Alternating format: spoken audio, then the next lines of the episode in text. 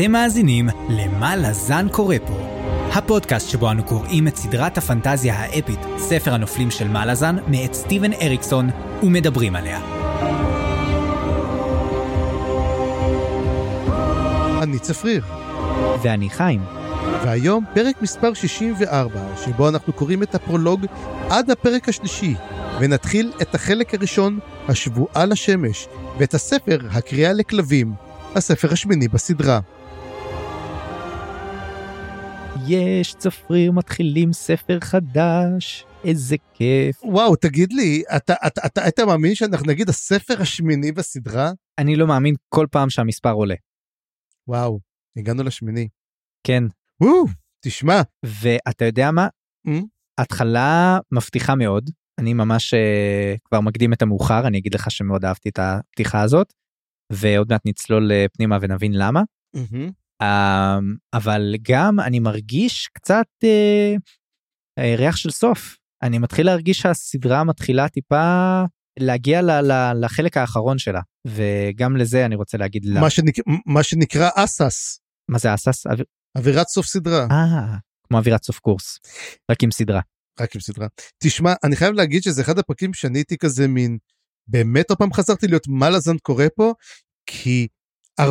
פשוט אני צריך להכיר עוד פעם הרבה דמויות חדשות שאני לא מכיר. ואני אומר, עוד פעם להכיר דמויות חדשות, כאילו, בהתחלה, שוב פעם, ואז אמרתי לעצמי, תחשוב שזה ספר חדש, כאילו, אז כן, כל דמויות חדשות. אז לזה דווקא הי- הייתי מוכן, כי ידעתי שזה הולך לקרות, וכל ספר מתחיל ככה בעצם. אבל הפעם מה שהיה לי מוזר, זה שאני מקבל דמויות ישנות שאני כבר לא זוכר מי הן, אבל הן היו קיימות והכרתי אותן כבר, וזאת תחושה שלא הייתי מוכן אליה. וכמות הדמויות שחזרו פה מהספר הראשון היא פשוט פסיכית. פסיכית. כי אנחנו חייבים להגיד שאריקסון עשה לנו אריקסון. ואנחנו לא ממשיכים עם החבר'ה שלנו בלת'ר, כי ככל הנראה הוא עשה לנו מה שעשה בספר החמישי, אבל מה עושה לנו? עושה לנו פה היפוך לספר הראשון. בקיצור, הספר הזה הוא אמ, המשך של הספר הראשון. שבעה ספרים אחרי. זה מה זה מוזר. אני לא זכרתי את כולם, אני לא זכרתי את כל הדמויות, אתה יודע את זה? זה מה שאני אומר, זה, זה למה זה מרגיש מוזר באמת. מצד שני, אני מרגיש מהמם. שזה אולי מה שחיכינו לו כל הזמן הזה. אתה יודע, כל כך הרבה קצוות פתוחים מהספר הראשון שאולי יתחילו להיסגר פה, והגיע הזמן, מהמם. כאילו, כמה זמן אפשר למשוך אותנו? אני בחיים לא נתקלתי בדבר כזה בסדרת פנטזיה, אני חייב לומר. כן. אבל אתה יודע מה צפריר, אולי, אולי כל הדבר הזה אפשר לפתור אותו בדרך מאוד פשוטה, אם, אם קצת פשוט תזכיר לי מה, מה קרה פה עד כה. אוקיי, אם ביקשת כל כך יפה. אז, בפרקים הקודמים של מלאזן קורפ, סיימנו את הספר השביעי, ונראה שאולי זה מקום לעשות קצת סיכום קצר על מה אנחנו יודעים מההתחלה ועד עכשיו. האימפריה המלזנית היא הנושא של הסדרה שלנו. הוקמה על ידי קלנבד הקיסר ועוזרו הנאמן רקדן. לאחר שהם נעלמו כמה עשרות שנים, לסין מחליטה להשתלט על האימפריה, ומודיעה שהיא הרגה את קלנבד ורקדן. למרות זאת מתברר כי קלנבד ורקדן הפכו להיות כס הצללים וקוטיליון, האלים החדשים של הצל, ויש להם משימה חשובה. לשם כך הם לוקחים את שורפי הגשרים. מי הם שורפי הגשרים? יחידת עילית של הצבא המלזני. אנחנו מתחילים כאשר כמעט כולה נהרגת במצור על העיר פייל, ומשם המצב רק נהיה גרוע יותר. הם חודרים אל העיר דרוג'יסטן במסווה של פועלי בניין כדי להכין את המקום לכיבוש הקיסרית. הם לא מצליחים. אז הם יוצאים להילחם בנביא הפניון, וכל היחידה כמעט מחוסלת. כעת מה שנשאר מתחלק לשניים, ביבשת לת'רס בצבא של תבורה, וכבעלים של פונדק קרול בדרוג'יסטן. אבל מתחת לפני השטח יש את התלן אימאס והג'גותים. אתם שואלים מי תלן אימאס והג'גות? אז תדעו, לפני 300 אלף שנה היו כמה עריצים ג'גותים. תחשבו על אורקים, אבל פחות נחמדים. הם שעבדו את האימאס. האימאס לקחו את זה אישית, ומתברר שאם הם הולכים לעשות משהו, הם הולכים עד הסוף. הם החליטו לחסל את כל הג'גותים בעולם, אבל הם ידעו שזו משימה שתיקח הרבה זמן, ולכן כל הגזע הפך לעל מתים. הם רודפים עד היום את הג'גותים המעטים שמצליחים לשרוד. ועד נלחמים נגד גזע הטיסטה, מי אלו גזעי הטיסטה? אז הטיסטה מחולקים שלושה מינים, עד כמה שאנחנו יודעים. הטיסטה אנדי, בני החושך, הטיסטה ליוסן, בני האור, והטיסטה אדור, בני הצללים. זהו גזע שהמקור שלו בעולם אחר. תחשבו על אלפים, אבל הרבה פחות נחמדים. הטיסטה המוכר ביותר הוא אנומנדר רייק, מנהיג הטיסטה אנדי. שעזר למלזנים במלחמה נגד נביא הפניון, השמיד את המצודה המעופפת שלו, נצר הירח, כדי לעשות את זה. ויבשת רחוקה בשם לת'ר, טיסטה אנדי צעיר בשם קליפ, החליט להרוג אותה. מה זה לת'ר אתם שואלים? יבשת מרוחקת שבה שולט רולת סנגר, טיסטה אדור בן אל מוות שנושא חרב אפלה שמחיה אותו שוב ושוב. לאחר שהשתלט על הקיסרות המלזנים מגיעים ומגרשים את האדורים בחזרה, תוך כדי בזה שממשיכים מזרחה, כי הכל בגלל האל הנכה. ומי זה האל הנכה? זוכרים שדיברנו על משימה חשובה בהתחלה? אז לפני מאה אלף שנים המלך הנעלה קלור שלט ביבשת הקוריאה ג'קורוקו והיה ממש ממש לא נחמד. אז כמה קוסמים החליטו להשתמש בכוחות אפלים וזימנו אלה שמתגוררים מחוץ לעולם. זה לא הצליח, ג'קורוקו התרסקה והאל הושמד לרסיסים. אבל הוא לא מת. הוא אסף את עצמו במשך מאות אלפי שנים, הקים את עצמו מכלום, והוא קורא לעצמו אל הנכה. הוא רוצה להשמיד את העולם ונראה שהוא הרע הגדול של הסדרה הזאת. אז אנחנו מתחילים פה את הספר השמיני, ואם עדיין אתם שואלים את עצמכם מה לזן קורה פה, הגעתם לפודקאסט הנכון. וואי, תשמע, אני לא מאמין שהצלחת לעשות את זה, אבל עשית את זה. אה, ממש קישרת פה את, את כל הנקודות האלה, שבעצם אנחנו חייבים להבין אותן בשביל להיכנס פה לסיפור. זאת אומרת, זה ממש ספר שאתה צריך את כל הבנייה שהייתה פה עד כה. מטורף. זה ספר למיטיבי לכת. אז בוא נתחיל לדבר, אבל קודם כל, יש לנו חוב. נכון, חסות קצרה ומיד אנחנו איתכם. התוכנית בחסות פונדק הפניקס. מתנגשים וגנבים יודעים, פונדק הפניקס, המקום היחיד בו הבירה קרה יותר מהנקמה שלכם. פונדק הפניקס, סניף תרוג'יסטן. פונדק הפניקס אינו אחראי לאיכותו ויכולותיו של המתעקש שנבחר. פיגור תשלום למתעקש עלול לגרור אחריו ריבית פיגורים ומוות פתאומי בשעת חצות, כפוף לתקנון. סתם, התוכנית לא תחת שום חסות, אבל היא כן בתמיכת המאזינות והמאזינים בפטריון, שעוזרים לנו לשפר את הפודקאסט ולפתח עוד רעיונות לעתיד. תודה רבה לכל המאזינים והתומכים שלנו. ואנחנו מתחילים עם הפרולוג. ואתה יודע מה צפריר? הפעם דילגתי על הדרמטיס פרסונה, לא קראתי מי הנפשות הפועלות, לא הסתכלתי במפות בהתחלה, אבל בהמשך כשכבר הבנתי איפה אנחנו כן הסתכלתי במפות, כי בעצם שתי המפות הראשונות שלנו זה באמת בלק קורל ודרוג'יסטן, וככה בערך אנחנו נחלק את, את הפרק הזה לשתיים, אבל כן יש לנו גם לפני כן את הפרולוג שהוא יוצא דופן, הוא לא עוסק בשתי הערים האלה בצורה ישירה. אז אה, נדבר על הפרולוג, וכן, מה הפרולוג הזה עושה כאן, מה הוא אומר לגבי הספר, איזה מין טון הוא נותן לספר, ואני חושב שהרבה פעמים הפרולוגים של אריקסון זה מה שהם עושים, הם נותנים איזשהו טון, והפעם הפרולוג נתן לנו גם איזושהי תמה מאוד חזקה על ההתחלה. אני לא יודע אם הרגשת את זה בספרים אחרים, אני, אני אישית לא. פה יש לנו, אתה יודע, קוראים לספר Told the Hounds, יש תמה חזקה מאוד של האונדס כל החלק הזה. וזה היה ממש אה, מגניב לראות אותו, קצת on the nose בשביל אריקסון, קצת יותר מדי כזה, אתה יודע, obvious, אבל דווקא... זה היה ברור וזה היה טוב. כן, זה ממש הופיע בכל אחת מהחלקים פה של הפרולוג. אז... אבל שים לב שכל אחד מהכלבים, משהו אחר קורה לו, ואנחנו צריך לשים לב גם כן למה שקורה לכל אחד מהכלבים, ואיך זה ישפיע ככל הנראה על הספר. תשמע, לקרוא את הבן אדם הזה זה הופך להיות כבר השיעור הכי כיף בספרות, ואני חושב שצריך להכניס את מלאזן לתוכנית הלימודים.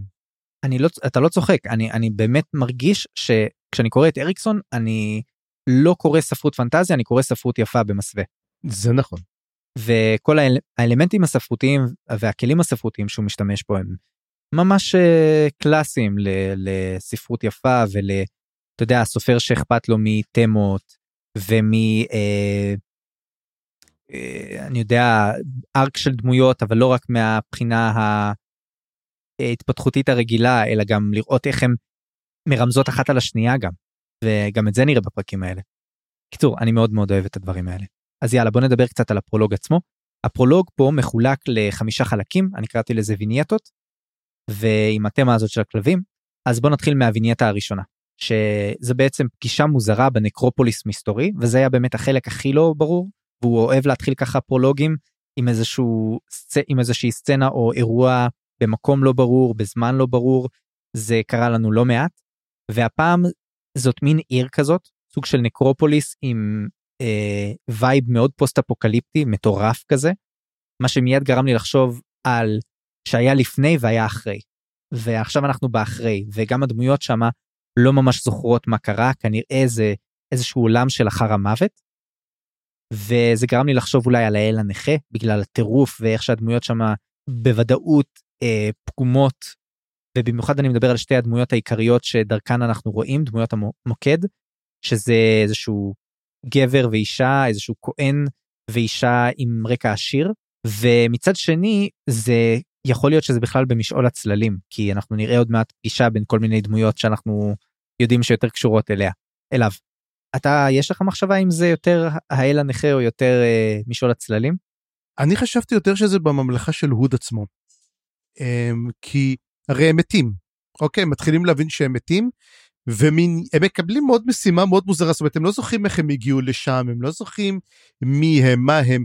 אנחנו יודעים שאחד הוא כהן, ואנחנו יודעים שהאישה היא מין עשירה. ואני התחלתי לחשוב, אחרי שגמרתי, גם גמרנו לקרוא את הפרק, מי היא ומה היא, והיא אומרת, כאילו, היה לי אמור להיות לסרקופג כלשהו, וכאילו, למה אני פה ולמה בכלל יש לי כלב? למה אני הולכת עם כלב? כאילו, אתה יודע, מי הביא לה את הכלב הזה? מאיפה הביא אותו? וזאת אמ, שאלה שאני גם כן חשבתי, אני לא יודע מי זה הכהן, אבל יש לי תיאוריה פסיכית לגמרי. נו, לך על זה. אני חושב שהאישה הזאת יכולה להיות סימטל. או, מעניין. כי אם אנחנו חוזרים לכל הקטע של דרוג'יסטן, היא הייתה אישה עשירה כזאת, ו... עכשיו, למה היא מקבלת כלב? למה הכהן קיבל כלב והם נלחמים? היה כהן כלשהו בספר הראשון שמת? אני כבר לא זוכר. עכשיו, יש שם שני כלבים. אמ, מה שמזכיר לי את שני הכלבים של דרג ניפור, אנחנו גם נחזור אליהם, לאותם שני כלבים. האם יש קשר לזה? אמ, אני לא יודע, זה כל כך כל כך מבולבל, אבל איזו, אבל תשמע, האווירה של אריקסון, במיוחד בפרולוג, היא נורא כיפית, כי היא גם אפלה נורא, אבל היא גם נורא מצחיקה. כן. זאת אומרת, הם מדברים, והם מדברים, והם כזה מין, אה, אנחנו מתים? כן. אוי, איזה באסה, כאילו, הוא אומר, נכון זה, מה זה מבלבל, נכון? כאילו, חשבתי שהחיים זה מבלבל, אבל תראי מה קורה פה עכשיו, כאילו, איפה אנחנו נמצאים? כאילו, מי נתן לי את הכלב? באמת לא. אין לי מושג, מי נתן לי את הכלב? למה יש לי כלב? למה הכלבים הורגים אחד את השני? אחד מהם מת גם. איך הם יכולים למות במוות? אתה מבין? כן, אה, הכלב, ש... הכלב שלו אוכל את, ה... את שלה, ואז הוא אומר לה, טוב, קחי, קחי את שלי, אני בכל מקרה לא צריך אותו. כן, כאילו... אמ, כן. ו... מה הסיפור עם מה הסיפור עם זה? אתה יודע מה, אותי זה לא היה כל כך מצחיק, כמו שזה נתן לי vibe של שיגעון וטירוף. משהו כזה לאבקרפטי, אתה יודע? כן. וזאת התחושה שאני יצאתי איתה. אז אנחנו לא יודעים ממש מי הם, אני אוהב את התיאוריה שלך, וגם זה החלק הכי אניגמטי, אבל הוא לא נגמר בזה, הוא נגמר בזה שבעצם יש גם פגישה מאוד מאוד חשובה כנראה שמתרחשת שם, ויש איזושהי סערה שמתקרבת, ואז אה, מי שנפגשים בעצם זה Shadow Throne ו-Edge Dancer, או Edge Walker סליחה, Edge Dancer זה משהו אחר.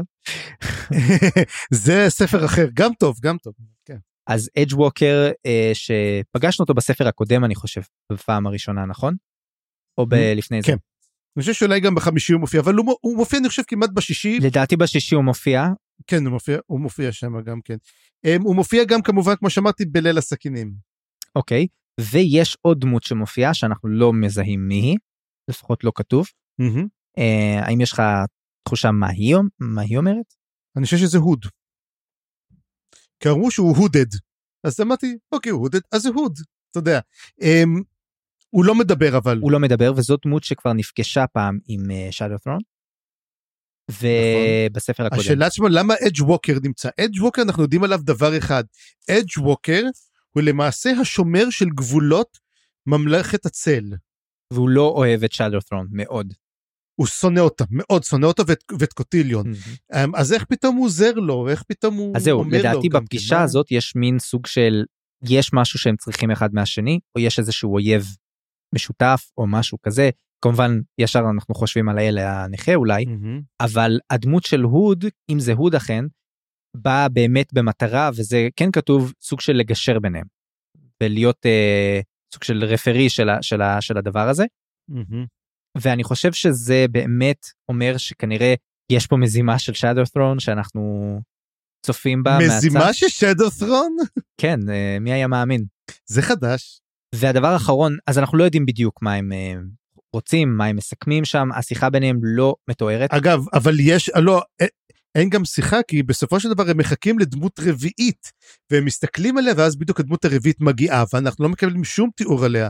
אז יש עוד דמות שם בעצם. נכון, וגם יש עוד משהו שמגיעה זאת כרכרה שמתקרבת, ואז האישה אומרת, או, הטרמפ שלי הגיע. מהמם. ומה שגרם לי לחשוב, אולי, עכשיו אני נזכר שאולי האישה הזאת קשורה לטריגלים, אני כמעט, אני גם חשבתי שזה הטריגלים. עכשיו, הטריגלים שמופיעים, אנחנו נדבר עליהם גם, מה הם סוחבים איתם? אה, יצורים מתים, גופות. גופות, כן. וגם, אז, אז אולי הם בעצם, אולי בעצם הם מטהרים נקרופ, נקרופ, אה, נקרו, אה, נקרופוליסים כאלו. גם הם אומרים, מה זה הנקרופוליס הזה? זאת אומרת, יש המון כאלו, אתה לא יודע כמה. טוב, אנ- אנחנו לא יודעים אז מי, מי זה, אבל זה באמת החלק הכי אניגמטי פה. אז בוא נעבור לווינייטה השנייה, לסיפור השני של הפרולוג. אני קראתי לזה last ditch effort בדרק ניפור.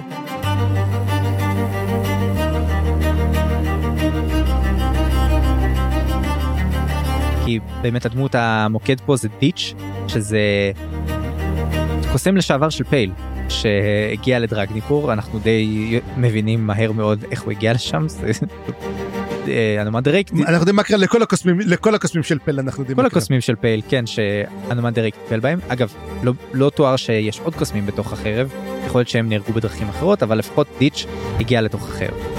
וזאת אומרת, אין לו שם חברים, זה לא מתואר. ודרכו אנחנו מקבלים גם את ה vibe של מה שקורה בתוך דרגניפור שכבר ראינו בתוכה, אבל, אבל זה נחמד לחזור ולראות את זה, וגם אנחנו מקבלים טיפה את המצב של דרגניפור שהולך ונהיה גרוע יותר ויותר, שהסחיבה של הכרכרה הופכת להיות קשה, קשה יותר, כי רייק לא הורג מספיק אנשים, והאנשים שהוא הורג לא מספיק חזקים. הוא צריך להרוג דרקונים, הוא אומר, למה הוא לא הורג דרקונים? כן, פעם הוא היה הורג הרבה דרקונים, והדרקונים עוזרים, כן. כן, חזקים מאוד, סוחבים טוב מאוד את הכרכרה. יש שם כמה שדים עדיין, ובאמת הוא פוגש איזשהו שד שסוחב עליו כמה גופות, כי כבר אין מקום בכרכרה, זאת אומרת עד עכשיו, אם מי- מישהו כבר לא יכול היה לסחוב יותר, היו זורקים, מערימים אותו על הכרכרה עצמה, ואז בעצם הסחיבה נעשית קשה יותר משתי סיבות, גם כי צריך לסחוב את מי שנפל וגם כי הוא כבר לא יכול לעזור. אז באמת המצב פה מתואר מאוד מאוד קשה, אנחנו יודעים שסערת הכאוס שמאחורה, שאנחנו מאמינים שהיא קשורה לאל הנכה אולי, מתקרבת, מתקרבת, והכרכרה צריכה בעצם לברוח ממנה, זה אחד מהאלמנטים הקוסמולוגיים שאנחנו לא יודעים לגמרי עד הסוף מה קורה שם. אני לא חושב שיש איזה קשר לאל הנכה, הרי זה קרה הרבה זמן לפני אל הנכה, כל הסיפור של הכאוס ודרקונוס וכל זה, זה Hmm. די עתיק הסיפור הזה. אני חושב שאל הנכה פשוט מנצל את זה, כי הוא משתמש בקסמי כאוס, אבל זה לא עבורו. אני זוכר שפשוט אז דיברנו על זה הזכרנו גם את uh, הקיסר שזה רולד ואני זוכר ש... אני לא זוכר את זה בדיוק כי זה היה לפני הרבה ספרים אבל אני זוכר שהתעסקנו בשאלות האלה. בקיצור יש פה גם שוב את התמה הזאת של הכלבים יש פה כלב שמופיע בזיכרונות של דיץ'. זהו בקיצור זה זה זה הווינייטה אין לי פה עוד משהו להוסיף עליה אז אגב, אה. יש לי שאלה, השד הזה, זה השד שאנומנדר הרג בספר הראשון? פרל? יכול מאוד להיות כי זה, אנחנו יודעים שזה. הוא אומר שדים- שיש לו קול של ילד. קול ילדותי אבל אנחנו יודעים שלי. שלכל השדים יש פה קול ילדותי אז אני לא יודע לא, לאו דווקא, לפנינה אמרו שיש לו, לפרל היה לו קול של ילד, אז כנראה הוא. לסוג שלו מה הוא היה קנרילה משהו כן, אז לסוג הזה של השדים לדעתי לכולם יש קול ילדותי אוקיי, אבל יכול להיות שאני טועה. נלך על זה. ווינייטה שלישית יש לנו בעצם את אפסלרה שגם היא נמצאת בתוך דרגניפור אז יש לנו שתי וינייטות בתוך דרגניפור והסיפור עם אפסלרה קצת שונה אפסלרה זאת כמובן זאת שעל שמה נקראת אה, אפסלר והיא הפטרונית של המתנגשים סליחה הפטרונית של הגנבים. והיא זאת שלכאורה גנבה את הירח הסיפור המיתולוגי הזה ולא ברור אם היא אלה או משהו אחר. היא אלה, היא אלה. ככה התייחסו אליה לפחות. אמ, כן, אבל לא ברור איזה סוג של אלה, אם היא, אל, היא כנראה לא אלה עתיקה, היא כנראה מהאלים היותר אה, חדשים. אגב, בקשר לגניבה של הירח, אני לא יודע אם אתה זוכר, אבל קורוקן בספר חמישי אומר שהיה פעם עוד ירח והוא נעלם. אז היא כנראה פשוט לקחה את הירח הזה. אה, מגניב, לא, לא זכרתי את הפרט הזה. באמת זכרתי יותר את העניין של הירח והאגנים שהיו עליו והדברים האלה, אבל אז כמובן זו, זה, זו, שוב, זאת באמת השאלה, כי הירח יש לו מין כתמים כאלו ירוקים וכחולים, כי, אבל אמרו, אבל קורקן אומר שיש עוד שני, עוד שלושה, זה שלושה ירחים, ואמרו לו ארבעה. הוא אומר עוד שניים מסתתרים ולא רואים אותם. אז מעניין. מה שמעניין באמת אבל שזה זאת רמיזה שבאמת מחזירה אותנו אחורה לספר הראשון כבר עם אפסלר וקרוקוס והסיפור של גני הירח ואני חושב שגם מתישהו הוא מספר לה את הסיפור על על אפסלרה שזה מה שגורם לה לרצות להיקרא על שמה נכון. וכל הס- כל העניין הזה ממש פה פה רואים איך הספרים נקשרים אה, הספר הזה והספר הראשון אבל רואים את זה עוד הרבה בפרקים האלה אז לא אתעכב בזה כאן. וגם היא נזכרת בכלבים וכמובן היא ראתה את גנו אספרן מגיע ומשחרר את הכלבים מדרגניפור וזה אירוע שמאוד נחקק בה כי היא לא אחת שמוותרת בקלות. ועד עכשיו היה לה, הייתה לה שיטה מעניינת שהיא בעצם בשביל לשמור על כוחה ובשביל לנסות לברוח היא לא סוחבת את הכרכרה היא מצאה מקום מתחת לגלגלים או מאחורי הגלגלים או איפשהו מתחת לכרכרה יכולה בעצם אה, להתחבא שם והיא משתמשת גם בגלגלים או בציר שם בשביל לשחוק את השלשלאות שלה לא ברור אם מצליחה או, או לא.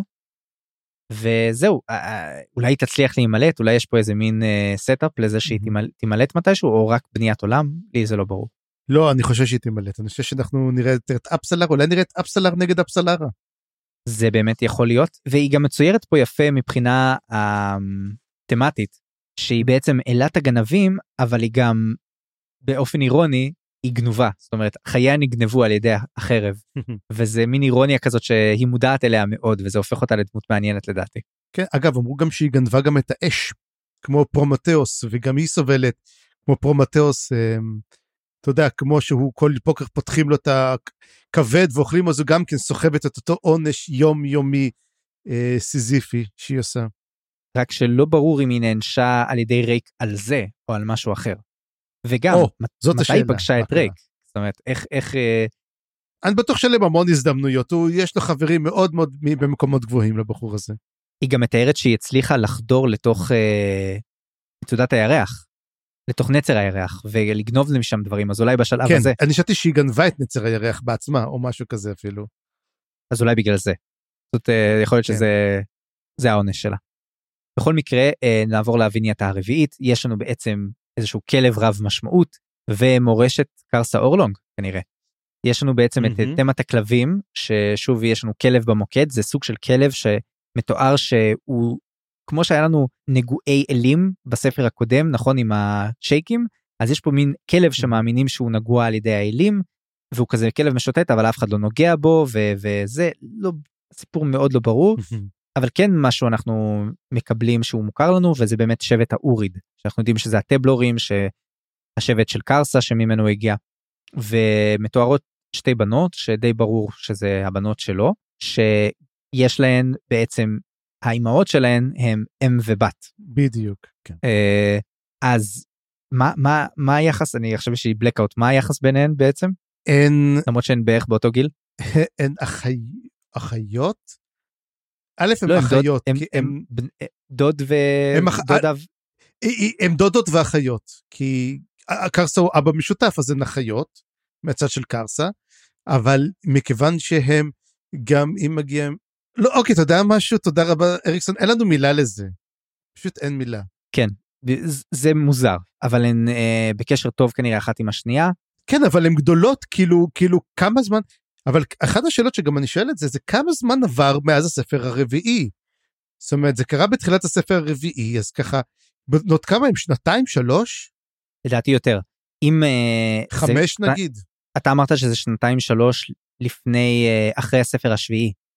מה שאומר שעבר זמן כי אה, אנחנו זוכרים שקרסה כבר הסתובב הרבה אז, אני, אז אני אגיד לך מה שקרסה מתחיל בערך ב-59 ואני חושב שזה ה-63. אה, זה, אז הם בערך 7-8 משהו כזה. משהו כזה הם, הם ילדות.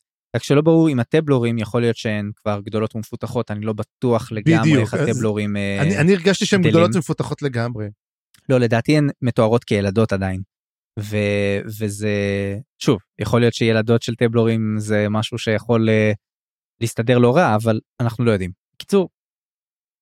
סצנה מוזרה, לא ברור מה יקרה איתן, לא ברור מה התפקיד של, ה, של הסיפור פה, חוץ מזה שזה מתקשר לי קצת לווינייטה החמישית עם תיאוריה, ואני אתאר אותה אז. והווינייטה החמישית, יש לנו את קראפ, קראפ is back, uh, ואני תוהה לעצמי, אני לא ידעתי שקראפ יהיה כל כך דומיננטי בפרקים האלה, וכשהוא חזר נורא נורא שמחתי, כי התגעגעתי אליו עוד מהספר השלישי, והייתה, היה לו אזכורים קטנים בדרך, אבל כמעט ולא הופיע. וזהו, קראפ מדבר עם קרול, וזה לא משהו שקרה המון זמן, ויש להם שיחה מעניינת. עכשיו, השיחה הזאת היא לא התרחשה בפונדק הפניקס, נכון? היא התרחשה אולי בפונדק של קרול? לא, היא התרחשה ב... הוא ליד מדורה, אז זה במקום שבו הוא מנהל את כל השיחות שלו בחלום. אז בחלום, אוקיי. זהו, זה לא היה לי ברור. והשיחה שם מעניינת, כי קירול, אנחנו יודעים שעד עכשיו הוא השתתף בצורה די מסיבית במאמצים נגד האל הנכה, נגיד את זה ככה, רק שעכשיו כשקראפ מדבר איתו, נראה שהוא לא לוקח צד, או לפחות אומר שהוא לא לוקח צד במלחמה. אבל, מה קראפ אומר לו, שזה כנראה הדבר הנכון, אומר לו, אולי אתה לא לוקח צד, אבל אתה חלק מהמלחמה אם תרצה או לא, כי אתה הפרס. זאת אומרת, המלחמה היא על המשעולים, המלחמה היא על הדם של קרול, אה, כנראה. וזה מאוד מעניין. יש לזה השלכות לשאלה הזאת, ונראה שקרול נורא מושפע מהתגלית הזאת. כן, זה, זה בכלל הקטע הזה עם קראפ הוא היה קטע מאוד מאוד uh, מוזר, כמו, אני אגיד שכל הפרולוג הזה כאילו פותח לנו המון המון דברים, וסוגר, פותח וסוגר.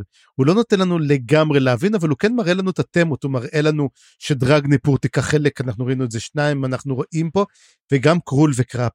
אמ, שבכלל, אין כמו קרול וקראפ בשביל להגיד דרוג'יסטן. וגם קרול וקראפ זה מזכיר לנו למה, למה קראפ הוא קראפ, ולמה קרול מחזיק ממנו בעצם. קרול עדיין ביחסים טובים איתו עד כדי, ממש יחסים חבריים הייתי אומר, והוא מחזיק ממנו.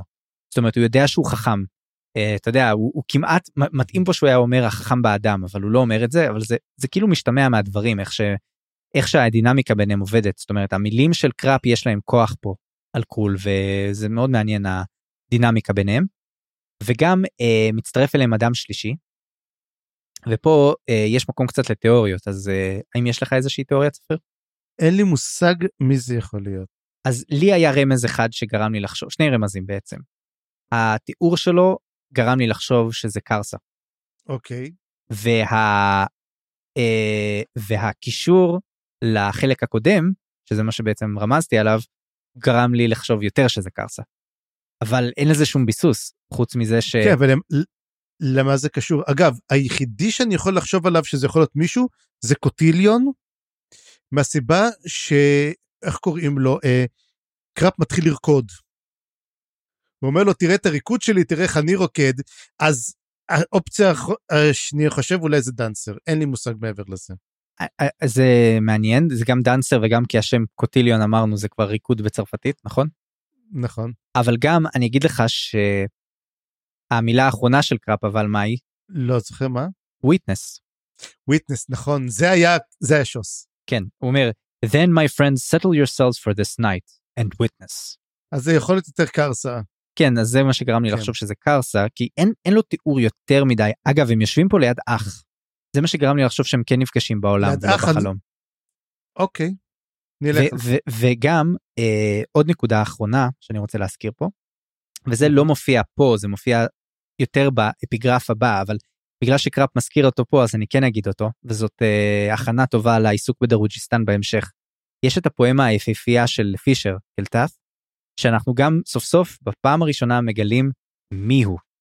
ואנחנו מגלים שהוא ברד שמגיע לבר של קרול ומנגן שם הרבה גם שורפי הגשרים המלזנים מדברים עליו אחר כך. שהוא... ואף אחד לא מקשיב לו. אף אחד לא מקשיב לו הוא מדבר מין שטויות זה נשמע או לפעמים הוא נכנס למונולוגים ארוכים או, או שירים אפיים כאלה אבל הוא כתב שיר על דרוג'יסטן שנקרא הו עיר שברירית הקוראת לזרים להסכין לקולה לשכון בסדקים ככה אני תרגמתי את זה ואני חושב שזה היה שיר יפהפה כי הוא גם בעצם תיאר את כל מה שהולך לקרות בסאגה הזו של דרוג'יסטן בפרקים האלה. יש לנו בעצם התאספות של זרים שמגיעים לעיר וגם התיאור שלה כעיר שברירית אנחנו נראה את זה שוב ושוב איך אה, העיר בעצם בסכנה כלשהי ומשהו הולך לקרות בה. וכשכל פעם שאריקסון עושה את זה זה זה משהו שאנחנו מצפים לו. ראינו את זה עם לטרס בספרים הקודמים בצורה מאוד חזקה אבל גם היה לנו את זה עם קפוסטן ועם קורל ואתה יודע כל עיר כזאת יפה שאנחנו מקבלים והאמת שזה כבר קרה בדרוג'יסטן בספר הראשון אז אנחנו מקבלים את זה שוב וזה כאילו שוב buildup ושוב מגיעים הרבה אנשים ממקומות שונים בעולם וקראפ מודע לזה וקראפ הוא הדמות שבעצם מסמלת את זה בצורה הכי טובה כי הוא בעצם יודע ו- ומרגיש מה קורה לעיר בצורה הכי חזקה מכל מכל אחד אחר. נכון אבל עדיין לא ענית לי על השאלה. בסופו של דבר קראפ בוכה. פעם ראשונה שהוא בוכה. אני שואל אותך שוב למה אתה חושב שהוא בוכה כי לי אין מושג.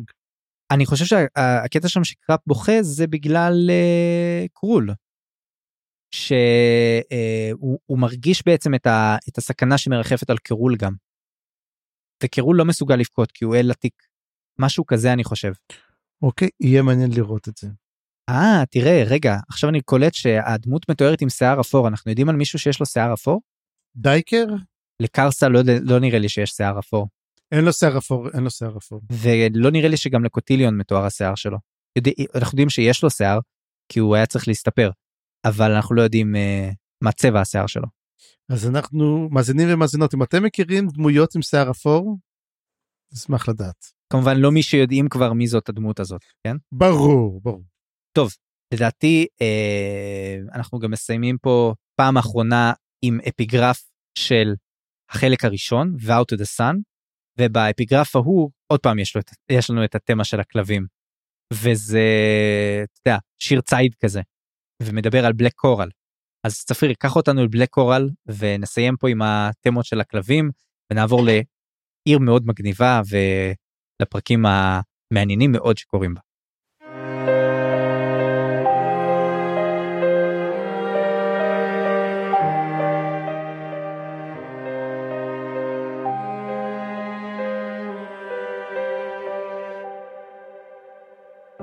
אז זהו זה, הקורל השחורה, אני חייב להגיד, זה הרי אנחנו נהיה בשני אזורים, גם בדרוג'יסטן וגם בבלק קורל, ובלק קורל, אה, תחושה של כבדות. זאת אומרת, קורל, בוא נספר קצת ככה, קורל, מה שקרה, הם שכבשו אותה, הרי הם חשפו, הם עשו unveiling, כל הטיסטי אנדי עשו unveiling למקום, ולמעשה הפכו את קורל לאזור שהוא חלק מקורל גלי נראה לי. זאת אומרת, אה, זה לילה נצחי, הם חיים בתוך חשיכה. אבל עדיין באופן מאוד מאוד מפתיע, טיסטי אנטי הרי באו להתגורר שם, אחרי שנצר הירח אה, נפגע מאוד קשה, ועדיין בני אדם המשיכו לחיות שם, וזה מאוד מאוד מפתיע את הטיסטי אנדי, למה בני אדם ירצו להמשיך לחיות בכזה מקום. אה, אנחנו נראה שזה לא כזה כל כך גם עובד. ו... אני, אני לא זוכר את האפיגרף, אבל אתה איש האפיגרפים, אז בוא נדבר באמת על אה, אנומנדריס, על האפיגרף השני. כן, אז האפיגרף השני, אני מסכים, הוא, הוא מגניב, אני, אני כתבתי פה חלק קטן שזה מתאר טוב מאוד, וזה באמת חלק מהאנומנדריס, את המשקל והכובד שדמותו של רייק מעיבה על המקום בעצם. זה משהו שהוא, אתה יודע, זה, זה סימבולי, אבל זה לא רק סימבולי. זאת אומרת, אני חושב שבאמת יש לריק מין השפעה כזאת, כי יש לו את החרב המפחידה הזאת, ואנחנו כבר יודעים שיש לה השפעות לא קטנות.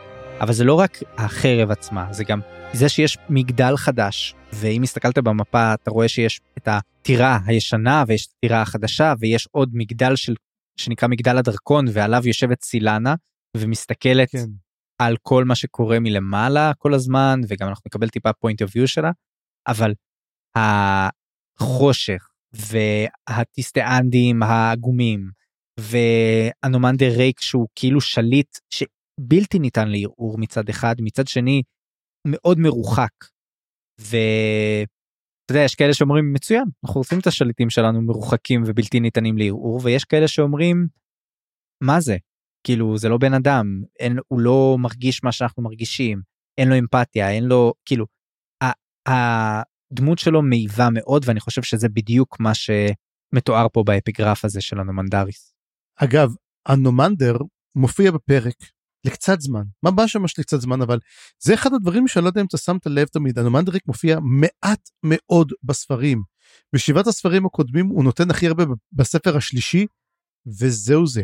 אבל כמה מזכירים אותו, כמה מדברים עליו, כמה הוא דמות כל כך ראשית שכמעט לא מופיעה. וגם פה. אז באמת אנחנו רואים את הנקודת מבט לא דרכו, הוא מעולם לא נקודת מבט. אנחנו כן מקבלים את אנדסט סילן, שהיה בעצם ההיי מייג' של, אה, של הטיסטי אנדי, דמות חדשה, והוא באמת, אה, יש לו קצת אה, בעיה, והבעיה שלו שאין לו, אין לו קסם. הוא השתמש בכל הכוחות הקסומים שלו להשאיר את אה, נצר ערך מתחת למים כדי שהמים לא יחדרו פנימה. בפלישה הגדולה, הרי בסיום, בסיומת הגדולה של הפרק שלישי, וזה שרף אותו לגמרי, והוא למעשה, כבר אין לו, הוא פשוט מסתובב בארמון, הוא מין יועץ של רייק, לא כל כך עושה הרבה שם. מסכן כזה, הוא אפילו יש לו לחצים בחזה, הוא אומר, זהו זה, אני הולך למות, אתה יודע, אני לא ידעתי שלטיסטה אנדי יש התקפי לב, אבל זה מין, הוא מסמל לפי דעתי את ה, מה שהטיסטה אנדי, הם כבר זקנים, אין להם כבר כוח, הם רק מחכים למוות, הוא אפילו יכול להיות, זה כאבים פסיכוסומטיים שהוא אומר, אולי אני אמות עכשיו בעצם, כן, לא, ו, אבל מה הוא נזכר? הוא נזכר בפעם הראשונה שהוא ורייק הגיעו לעולם, שהם חצו את העולם ונכנסו אליו. אמ, ואמרת שיש לך תיאוריה, אז תיאוריית איזס. כן, זאת לא תיאוריה על מה שקרה, אלא סוג של תיאוריה על מה תפקידו הספרותי של mm-hmm. אנדס סילן. ובעצם, כשבעצם יש לי שני תפקידים uh, לתת לו. תפקיד אחד זה שדרכו אולי נלמד יותר על ריק, mm-hmm. כי באמת הוא זוכר אותו כל כך uh, מזמן, אז אולי זאת הזדמנות נדירה להציץ פה על עברו של ריק. מכלי ראשון בעצם. ודבר שני זה שהוא יושווה פה, אני חושב, לספינוק. ובעצם הוא וספינוק מתארים בצורה מאוד מאוד כללית מין מצב, את המצב הכללי של הטיסטה אנדי פה, אני חושב. ובאמת יש את האלמנט הזה שאתה מזכיר, את העייפות והזקנה והציניות וזה. מצד שני, יש לך כוח מטורף. ו... אני חושב שגם אם דיברנו בספרים הקודמים נגיד על טיסטי דור בצורה אתה יודע בסופו של דבר סופר חזקים וסופר uh, עם כוח רצון מדהים ו- ויכולות מעניינות וכל הדברים האלה אני חושב שהטיסטי אנדי זה פי אלף. ו- וגם הטיסטי אנדי כמו שמתואר נכון רבים מאוד מתו במיוחד במלחמות עם המלזנים אבל mm-hmm. אלה ששרדו הם כמו יחידות עילית ו- וכוחות ממש ממש חזקים ואנחנו יודע, נראה גם שהנומנדר יודע להשתמש בהן כנראה, אז יש פה מין אה, דיכוטומיה כזאת מעניינת. כן, צריך לזכור גם כן שהנומנדר, אם אנחנו מדברים על האטיסטי אנדי הגדולים באמת, זה אטיסטי אנדי של הנומנדר ריק, מי שנשאר אותו בנצר הירח. ראינו את החבורה של נימנדר, וראינו את החבורת הנורות, זה כמו שלמשל ראו גם כן את אטיסטי עדור של ספיק, שהם, אתה יודע, שחטו אותם למה הם, הם כבר הם לא היו באמת תסתעדו. זה כל הקטע כי הם, הם באמת מתנוונים. השאלה עצמה אם קליפ גם כן אנחנו גם נדבר על קליפ האם קליפ הוא גם כן מאותו דבר הוא, הוא עם אותו כוח של הנומן ריק או לא. אמ, ואם כבר הזכרת את ספינוק אז באמת נדבר איתו אז ספינוק דורב עוד דמות חדשה שאנחנו נתקלים בטיסטי אנדי שהוא מדבר עם הסיר דומין אם אתה זוכר הסיר דומינים של הנביא הפניון שיהיו להם את המפקדי צבא והוא מפקד צבא. אגב אין את השם שלו, הוא רק מוזכר בשם סיר דומין. זאת אומרת, אנחנו לא יודעים מה השם שלו, אין לו כבר שם. מין כינוי כזה, זה מין כינוי. כן, השאלה, הוא, היה, הוא לא היה אחד מאלו שאוכלים בשר אדם, נכון? כמו אנסטר. לא, לא, אלה היו זרע המתים, אה, זה היה משהו אחר. הסיר דומין היו כמו הקצינים של הצבא, של הפניון. אוקיי, אז הם משחקים מין משחק לוח כזה, מאוד מאוד מאוד מורכב, אה, הם קוראים לו כיף טנר, והמשחק הזה, אתה, הוא בעצם משתנה, כל דבר משתנה, זאת אומרת אם אתה אוסף דברים, השטח משתנה וזה מין מזכיר מאוד את המלחמה של הטיסטה אנדי בטיסטה אדור. במלחמות נגד הקצ'ן צ'מאלה בעצם כל הדברים האלו, והוא מנצח בסוף ספינוק על ידי ככה שהוא אוסף דרקונים ואז מקבל קרב אה, שער ואז הוא יכול להביא את כל הדרקונים מעבר לשער והוא מנצח. אני ראיתי פה קצת איזשהו, אולי משהו שיקרה, דרך אגב. על מישהו שאוסף הרבה דרקונים, והוא הולך לפתוח איזה שער כלשהו. השאלה אם זה יהיה דרג ניפור, או שזה מדובר על משהו אחר. מעניין, לא חשבתי על ההיבט ה... אתה יודע, הנבואי של המשחק הזה, אבל בהחלט אה, חשבתי על המשחק, ואתה שאלת פה אם אני בתור חובב משחקי לוח יכול פה לתת איזושהי הערה בעניין. אז אני אגיד שאזכורים של משחקים בספרים זה משהו מגניב ומעניין, יש, זה קורה לא מעט. אתה יודע, למשל אה, בוויצ'ר יש לך את הגוונט, ובפטריק אה, רוטפוס אז בספרים שלו יש את הטאק. ואגב, אתה יודע, את טאק הפכו למשחק אמיתי, משחק לוח שאפשר לקנות. אמיתי. אגב, הוא, הוא מדהים, הוא מדהים. הוא ממש טוב, זה ממש וייבים של uh, משחק uh, לוח קלאסי כזה כמו שחמט או משהו כזה, רק שהוא חוקים מאוד מגניבים ומעניינים. ועבד עליו מעצב משחקים uh, מקצועי, זאת אומרת, זה לא סתם, uh, זה לא איזה פוקס שזה קרה. וגוונט אגב, משחק uh, הופיע בוויצ'ר 3 בפעם הראשונה והפך מאז להיות משחק uh, קלפים בפני עצמו. זאת אומרת אפשר לשחק אותו רק במחשב. אגב זה כמו סבק במלחמת הכוכבים גם כן אותו משחק שבו האן סולו הצליח להשיג את המילניום פלקון מופיע גם בסרט סולו. כן. כאילו תמיד זה game within a game within a game. אני, נכון. יש גם את הצ'אס ב... איך קוראים לזה בכהנת האפלה ברומח הדרקון זאת אומרת תמיד יש את המקומות ואני מאוד אוהב את המשחקים האלו אתה יודע. אני גם אני חושב שאפשר לכתוב על זה ממש תזה על הדבר הזה אבל אני רק אגיד שאולי פה יותר מבמקומות אחרים זאת אומרת ובכלל בספרים צריך פחות אה, דיוק בעניין הזה. למה? כי במשחק מחשב נגיד אם יש לך מיני גיים שהוא המשחק כמו למשל בוויצ'ר 3 הם היו צריכים להפוך. את החוקים שבספרים של אה, ספקובסקי למשל לא ממש מתוארים בצורה ברורה כן הם היו צריכים להמציא בעצם את המשחק איך שנראה להם שהוא יתאים לתיאורים מצד אחד אבל מצד שני באמת יהפוך את זה למשהו שאפשר לשחק אותו. ככה גם עם טאק. הטאק בספרים של רוטפוס הוא לא מתואר לפרטי פרטים, אין שם את החוקים, וצריך בעצם ליצור את החוקים האלה ושעדיין יתאימו לתיאורים בספר. מצד שני, אם תנסה לשחק כמו בתיאור של הספר, אתה לא, לא תצליח לשחק וזה בסדר, כי אם יהיה לך באמצע הספר פתאום שלושה ארבעה עמודים של הוראות משחק, זה, זה יהיה ממש מוזר. בכל מקרה, מה שאני רוצה לומר זה שבספרים אתה לא מקבל משחק. אתה מקבל איזשהו vibe, איזשהו אה, רגש או איזושהי תחושה של איך זה לשחק את המשחק הזה. ואני חייב לומר שבתור מי שמכיר הרבה מאוד משחקים, מה שמתואר אצל אריקסון נשמע לי הזוי לחלוטין, לא חושב שיכול להיות משחק כזה, ואם יהיה משחק כזה, זה יהיה משחק זוועתי לשחק. ואני אגיד למה, כי כמות הדברים שמשתנים שם, והעומק שלו אה, בנוי על, אה, על משהו שסך הכל כן אמור לתת תחושה של משחק קלאסי כמו שחמט או, או דמקה או משהו כזה, משחק אבסטרקטי, כן? אבל כאילו מלבישים על זה עכשיו את כל האלמנט של איזשהו קסם או קרנסי שאתה צריך אותו כמו הדרקונים או הכסף בשביל לקנות דברים ויש שם עניין של הימורים שיש משחקים שבנויים על הימורים בקיצור. לא חושב שזה היה יכול להיות משחק ריאלי לפחות איכשהו מתואר אצל אריקסון וזה היה לי כאילו קצת אה, הופס. אה, פה פה זו נקודה אחת שאני אומר אריקסון היה צריך טיפה לעדן את זה או לחשוב על זה קצת יותר. אני חושב שאולי יש לזה vibe קצת של הקריאה של uh, פידלר. אתה יודע, זה כמו משחק של פידלר כזה.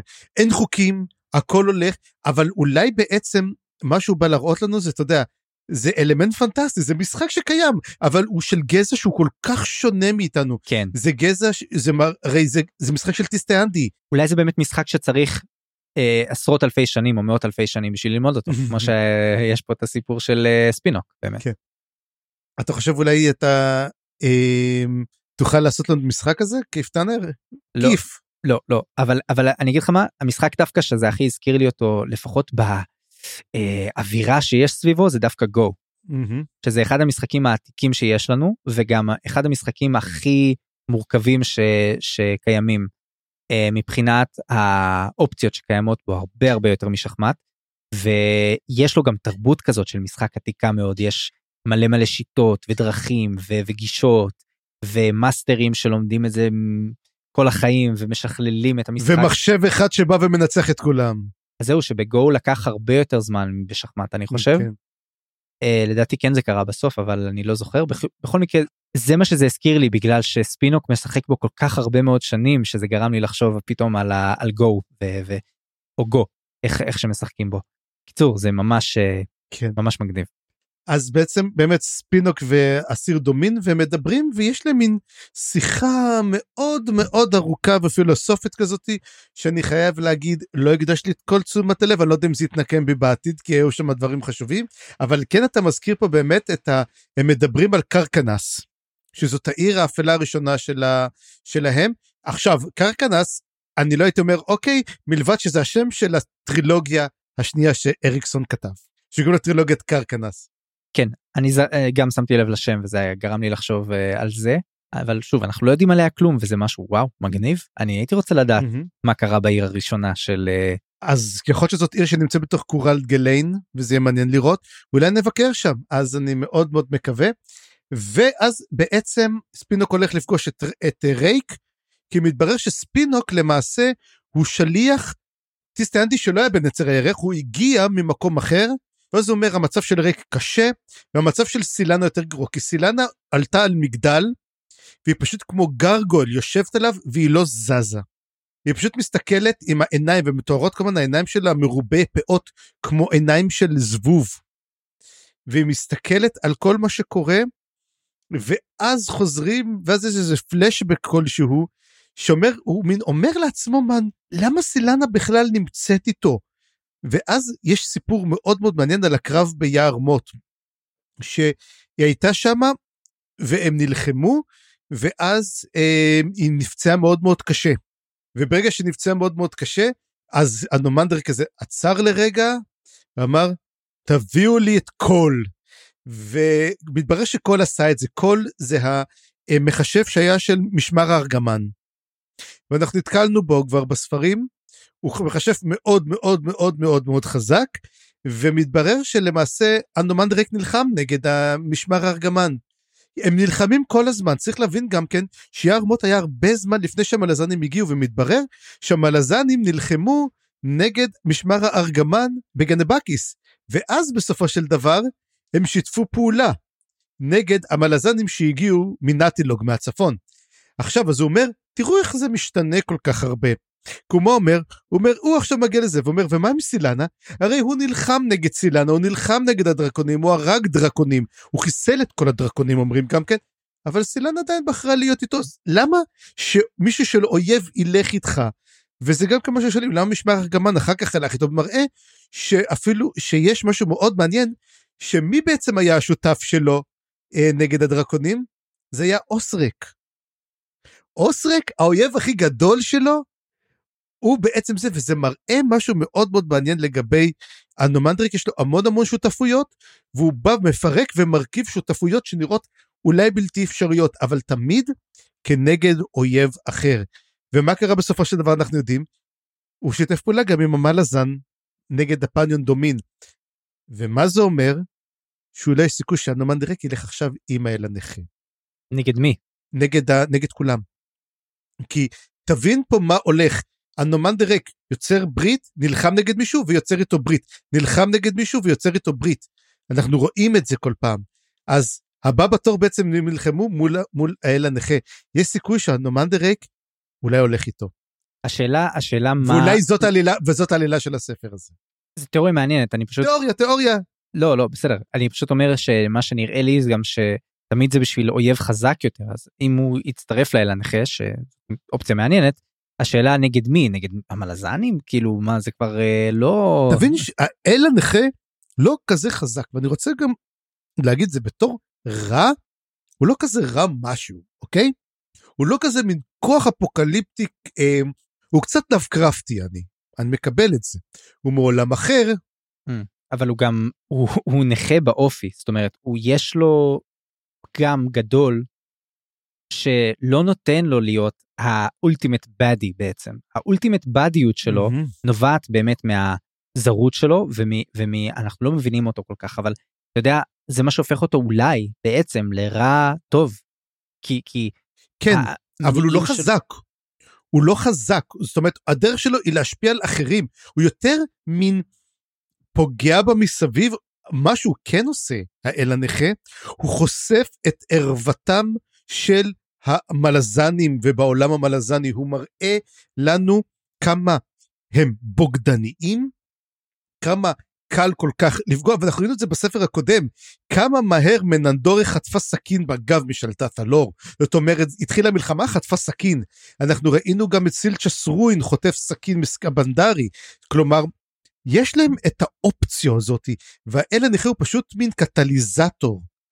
אז האם באמת הוא הרע הגדול, או שהרע הגדול זה בעצם כל הדמויות, אין בעצם רע גדול פה. הוא בעצם רק גורם לכך שאנשים יריבו, אבל הוא רק מקדים את המאוחר, זה יקרה.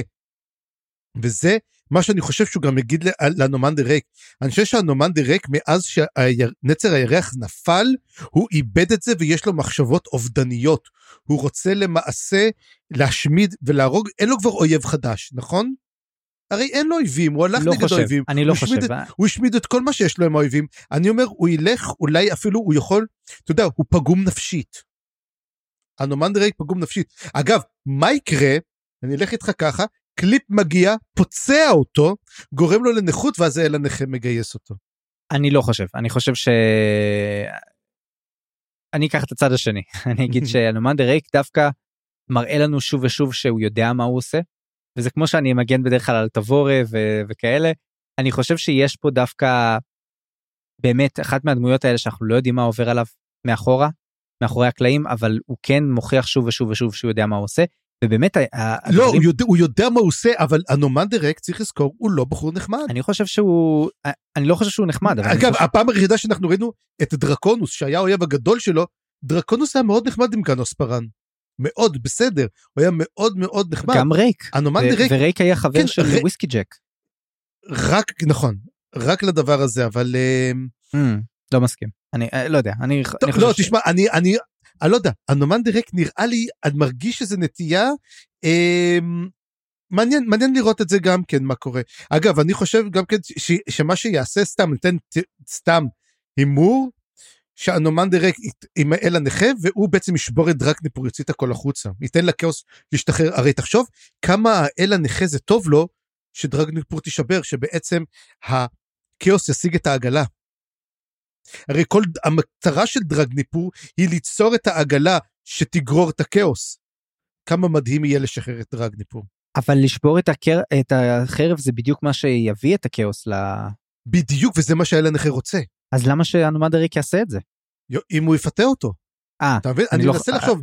כי- אוקיי. כי מה שאני רואה פה זה שדרגניפור מקבלת מין תשומת לב אדירה. שני חלקים בפרולוג, היא מוזכרת. זה מה שאני אומר, אני, אני חושב שפה אנחנו מתחילים, מתחילים באמת לקבל את הסקירות של הדברים שקיבלנו בספר הראשון. באמת פה זה מתחיל.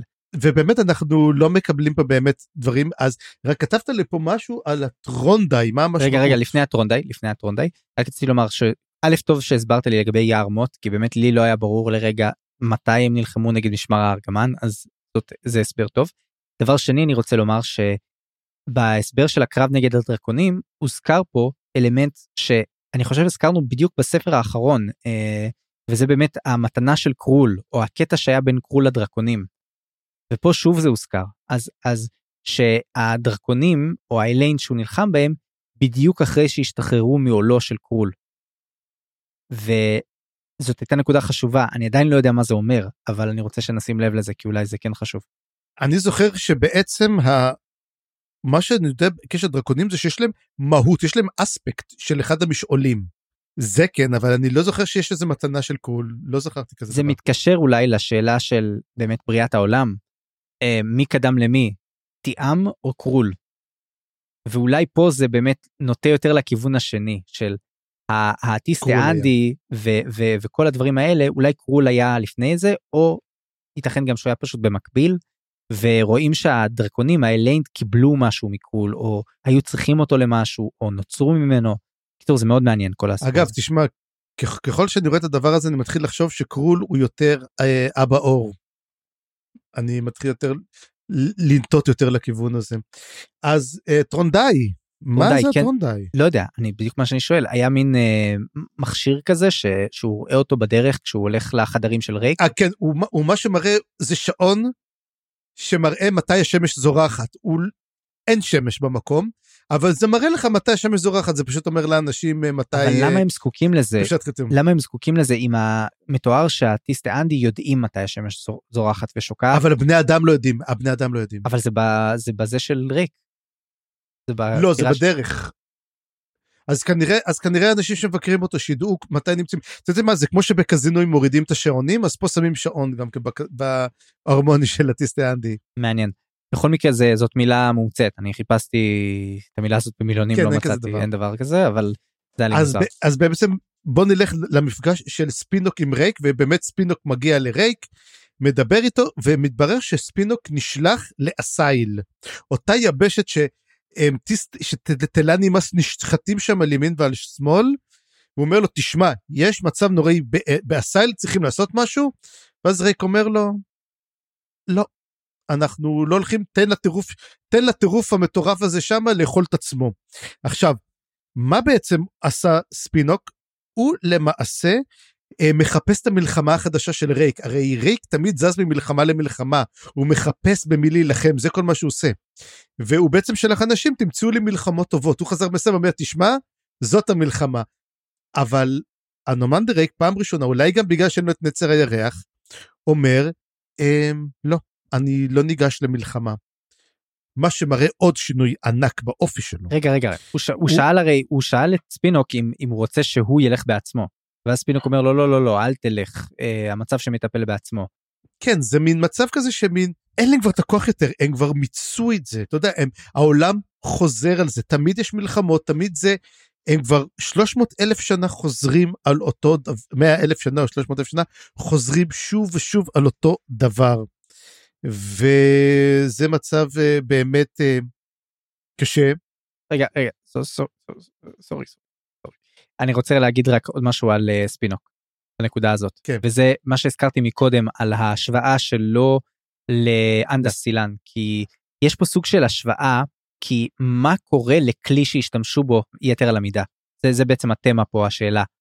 והם בעצם שני צידי המטבע, או, או לפחות יש להם מין זווית שונה על השאלה הזאת, כי אנדסט הוא כמו כלי שבור, שרייק השתמש בו יתר על המידה, ועכשיו כשחוזר ספינוק, הוא אומר לו, אני הכלי שלך, אני כלי חזק, תשתמש בי, כן? ואז אה, רייק אומר לו, אני לא יכול, אני צריך לשמור אותך חד, כן? ואז אה, הוא, ובעצם הוויכוח ביניהם זה שספינוק אומר לו, אם אתה לא תשתמש בי, אני כבר לא אהיה חד, וגם אתה, אתה סוג של מענה אותי. אז או שתשתמש בי, או שתשחרר אותי, כי יש לך גם כלים אחרים. וזה מה שמראה לי דווקא שיש לו לא מעט יכולות פה, ואתה יודע, כמו שאמרתי, חיילי עילית כאלה, אבל רייק לא משתמש בו. ויכול להיות שהוא לא משתמש בו כי הוא מפחד שיקרה לו מה שקרה לאנדסט. יש פה הרבה מתח, הרבה מורכבות פה בין, בין הדמויות האלה, וזה מה שאני מאוד אוהב במבנה כן. הזה. כמו שאומרים, אנחנו צריכים יותר מידע כמובן. Um, עכשיו, אם אתה שמת לב, גם כן הספר מת, מתרחש ככה שיש לנו פרק בדרוג'יסטן, פרק בקורל, פרק בדרוג'יסטן. לא קראנו את הבאים, אבל אם זה כן, זאת אומרת שבפעם הבאה מחכים לנו שני פרקים על קורל. מה שאומר, וואו, איזה כיף, כי אני אוהב לקרוא על קורל. וזה מקום מאוד מעניין. כן, זה מגניב. זאת עיר חדשה ובנייה טובה והכל. אז בעצם כמו שדיברנו אז בני אדם מתחילים לדבר שם על ה... להתמרד נגד הטיסטי אנדי ואומרים מי הם חושבים שהם ומה נעשה את זה והם יוצאים לטפל בזה והסיר דומין פשוט ישב שם ושתה והוא פשוט עוקב אחריהם אז אנחנו נראה בעצם באמת שיתפוס אותם כנראה בפרק הבא שיהיה עליו. נכון, אבל זה מראה באמת את התשובה על השאלה איך בני אדם מוכנים לחיות שם. מסתבר שלא כולם, לא כולם. ולא לכולם זה מתאים פתאום אה, לחיות כל הזמן בלילה, ולמרות שבטח יש כאלה שאוהבים את זה, אבל אתה יודע, זה מאוד הזכיר לי פה את ה... את ה... insurgencies, כל מיני כאלה מחתרות, אולי מהפכה. אמ, זה הזכיר לי גם טיפה כזה אה, קוקלוקס קלאן או משהו, אתה יודע, כל השנאת זרים או שנאת השונה. בקיצור, יש פה, יש פה הרבה מרכיבים, אבל יש פה בוודאי גם משהו פוליטי, כאילו, יש פה סוג של כיבוש. אה, בני אדם פה לא רצו, וגם יש פה הרבה אנשים שהם בעצם ב, אה, הגיעו מהפניון, הם אה, חיילים לשעבר של הפניון, לא פרקו אותם מנשקם, לא פיזרו אותם או משהו כזה, הם כולם שם. יש פה בעצם בעיה, בלאגן שאולי ריק יצטרך להתמודד איתו. בטוח הרבה להתמודד. ובאמת הפרק הזה נגמר שסילנה צופה והיא רואה עלייה לרגל לקבר של איתקוביאן, שזה קוראים לו המושיע, ובאמת היא רואה את האנשים הולכים אליו, לקבר שלו, וזה מראה שעדיין... נכון זה איתקוביאן? אני, אני הייתי בטוח שזה... זה איתקוביאן, אני, אני, אני הייתי בטוח כן. שזה איתקוביאן. יכול להיות שאני טועה, אבל אני קיבלתי את הווייבים של איתקוביאן, ועדיין רואים את זה, שאפילו נגיד שנה, שנתיים אחרי הקרב הזה, עדיין עולים לקבר שלו, והפך להיות ממש מין קבר קדושים, נותנים עליו צדקות ודברים כאלו. כן, ו- וגם היא מדברת, מזכירה פה באמת מין עניין, כי זה הרי מנקודת מבטה, וזה אולי קצת משלים פה את הסיפור. Mhm. היא מדברת פה על משהו כמו אה, שיש פחד כזה, שמזכיר לבני האדם את חוקי החיים. ואולי זה באמת מה שהגורם המאחד פה, שזה איתקוביאן, היה פתאום הגילוי הזה שבני האדם היו צריכים בשביל להתאחד סביבו. רק לא היה ברור לי מה הנקודה פה ביחס ל... לשאר, זאת אומרת לקונטקסט. מה הסצנה הזאת אמורה. להצביע פה, אבל אני... זה מעניין. אני חושב שבעצם זה סילן, סילנה מסתכלת על החיים, על הבני אדם, מנסה להבין בעצם מה קורה, מה התפקיד שלה עכשיו, כי אין להם תפקיד, אם תשים לב. הם שינו את עצמם, הם הפכו להיות ממקום שזז ממקום למקום, מנייד, הם נייחים עכשיו, הם באותו מקום. וסילנה תקועה באותו מקום. והיא מסתכלת, וזה מין, היא מנסה ולהסתכל ולהבין, אתה יודע, על החיים, ואני אגיד את האמת, יש כזה תחושת, באנגלית קוראים לזה foreboding, על כל הסיפור, ואני לא יודע כמה מאטיסטיאנדי או סילנה ישרדו את סוף הספר הזה. אני חושב שאנחנו די רואים את סוף האטיסטיאנדי. אבל זה לא סוף עצוב, וזה כל הקטע, כי הם השלימו, וכי עובדה, כי למה זה? כי אנדסט נזכר, היי, בפעם הראשונה שהגענו. וזה לכן יהיה הפעם הסופית שאנחנו נראה אותם. אני רוצה לה, להתחבר פה לנקודה של הלא עצוב, כי בעצם מה שאולי נותן לטיסטיאנדי לאורך הספרים האלה, סוג של תקווה או סוג של אה, פתרון למצב הקיומי שלהם, זה הקשר עם בני האדם. אנחנו רואים את זה למשל בוויסקי ג'ק וקורלאט, ואנחנו רואים את זה עם החברויות של אנומנדר רייק לאורך השנים. זה משהו שכאילו, ו- ועכשיו גם פה עם ספינוק וסירדומין, שלמרות שהוא משקר לו ובעצם כזה לא חושף בפניו את המניעים האמיתיים שלו, רואים שהחברות ביניהם יש לה סוג של אלמנט תרפ, תרפויטי, כאילו שמרפא אותו ועוזר לו. בני האדם וה, ואולי הדו-קיום הזה כן יכול לתת לטיסטיאנדי משהו שלא היה להם עד כה כשהם חיו בנצר הירח הרחק מכולם. כן, מעניין, אנחנו נראה אם איזה שלב הבא באבולוציה של הטיסטיאנדי, או הסוף שלהם. כמו אבולוציה, אם הם לא יהיו חזקים, דינם למות. אמ, אנחנו ראינו דרך אגב אותו דבר עם הטיסטי הדור בספר הקודם. הטיסטי הדור חזרו בסוף אחורה, הם לא יכלו להתקדם הלאה, לא יכלו לעשות את האבולוציה הזאת, זה לא התאים להם. מצד שני, הם אף פעם לא היו מנותקים לגמרי, כן היו בממשק עם, עם האימפריה. כן, הם היו בממשק, אבל, אבל ככה הם היו צריכים להישאר גם, הם לא צריכים ללכת לשאיפות האימפריאליסטיות, הם לא צריכים ללכת לשאיפות אימפריאליסטיות. ונראה איך זה ישפיע גם כן עליו, כי הנומן דירי כרגע אומרים, הוא כבר לא מצביא, הוא מנהלן. הוא בעצם מנהל עיר, הוא לא, הוא לא, אין צבא פה. הוא, זה תפקיד שמתאים לו. לא בטוח. אה, לא יודע, אולי זה... בוא נגיד, אני מאוד מאוד מחכה לקרוא את הפרקים הבאים, ו... לראות מה קורה עם אנומנדר רייק, ואולי נקבל פעם אחת מנקודת המבט שלו. אבל יש פה עוד איום. כן, ונראה איך לאיום הבא. כן. שבעצם האנטגוניסט הגדול ביותר של רייק הלא הוא קליפ. מה שעכשיו יש את החבורה של קליפ עם נימנדר, והם הולכים בקורלד גליין, אבל יש להם פה איזה בעיה, הם לא מצליחים להגיע לאיפה שהם רוצים, כנראה לקורל, אבל יש איזה משהו שחוסם אותם. הם לא מצליחים להגיע אליו, ולכן הם נאלצים לצאת באיזה נקודה דרומית קצת יותר. עכשיו, במפה אני לא זוכר מה נמצא דרומית מקורל. זה לאורך הים איפשהו. דרומי... אה... יש שם הכל... אה, אגב, הם מדברים גם כן, דרך אגב, שהערים מסביב לקורל מתות לגמרי. זאת אומרת, כל הערים שמדובר פה, כל הערים שהיה בדרך משם, הן לא קיימות יותר. זאת אומרת, קורל שולטת באזור זה שאר הערים, הנביא הפניון חיסל אותם. לא נשאר כלום. כן. ומה שקורה, קליפ מתקדם איתם, והוא מתחיל קצת להיות כזה קצת יותר אה, לא שפוי, סליחה, אני לא יודע אם שמת לב, הוא נראה, והוא מתחיל להבין שנימנדר לא עושה את העבודה שלו. נימנדר הוא כזה צעיר מאוהר, הוא לא כזה נמצא, והוא... אתה יודע, כזה הוא לא בטוח, אולי אני, אני צריך ללכת עם קליפ, אני לא, אני, ב... זה המלחמה שלו, וגם קליפ אומר, אני צריך את נימנדר, לא, יש את ניננדר, נננדר, משהו כזה, ודרסט, עוד איזה דמות בשם דרסט, שיש שזאת אחת אישה, או משהו כזה, והוא אומר, אני אלך איתם. והוא מראה שלמעשה כל ה... מה שהוא מסרספ שמה, כל הנשמות של הקוסמים, שאלה של האנדרה, איך קוראים? האנדרה זה היה? כן, אנדרה. האנדרה, הם בעצם נתנו את הכוח שמה כדי לפתוח שערים. זה בעצם נותן לו לפתוח את השערים לקורל גליין ולמקומות אחרים. ואז הוא אומר גם כן, הוא מתחיל להגיד, טוב, אולי הגיע הזמן לטפל בנימנדר. אז זה קטע קטן, אה, אבל אנחנו רואים שהוא כן מתקרב לאנומנדר, זאת אומרת ההתנגשות היא כמעט בלתי נמנעת. ורצית להגיד איזה משהו שהוא מזכיר לך מישהו. כן, אני, אני מרגיש שקליפ נותן לי וייבים מאוד חזקים של רד מאסק בפרקים האלה. כאילו מצד אחד אנחנו יודעים כבר שהוא חזק, אנחנו יודעים שיש לו איזה מין שאיפה גרנדיוזית כזאת להפיל את אנומנדר רייק, כמו שהיה לרד מאסק להפיל את הלת'רים, וכאילו יכול להיות שיש לזה vibe דומה, לי זה נותן הרגשה שהוא גם, אה, אתה יודע, יצבור כוח ו- וישיג צבא או משהו כזה ו- ויבוא ויצור על בלק קורל או משהו כזה ואז אנומנדר יהרוג אותו בבת אחת או משהו. איך הוא, איך הוא יצור על בלק קורל? זאת אומרת אין לו צבא לצור על איזה... כן, אני, אני, אני אגיד, אז זהו, מה שאני אגיד עכשיו, אני הבנתי את, הפר, את החלק הזה קצת שונה ממה שאתה. ויכול להיות שאני טועה, אבל, אבל אני זוכר כשהם דיברו על האם הם הגיעו ל, לעיר או לפני העיר, למה הם הגיעו לא בדיוק לשם, מסתבר, וזה גם משהו שעונה על שאלה אחרת. כנראה שיש עוד גורמים מחוץ לעיר שהם נגד הנומנדר ריק. ואז יש שתי אופציות פה. או שמדובר באמת באינסרג'נסיז האלה שדיברנו מקודם על בני האדם שהם מקורל שהם נגד ריק, שמין יצרו אולי תאים או, או מחנות מחוץ לעיר שרוצים אחר כך להילחם בו. זאת אופציה אחת.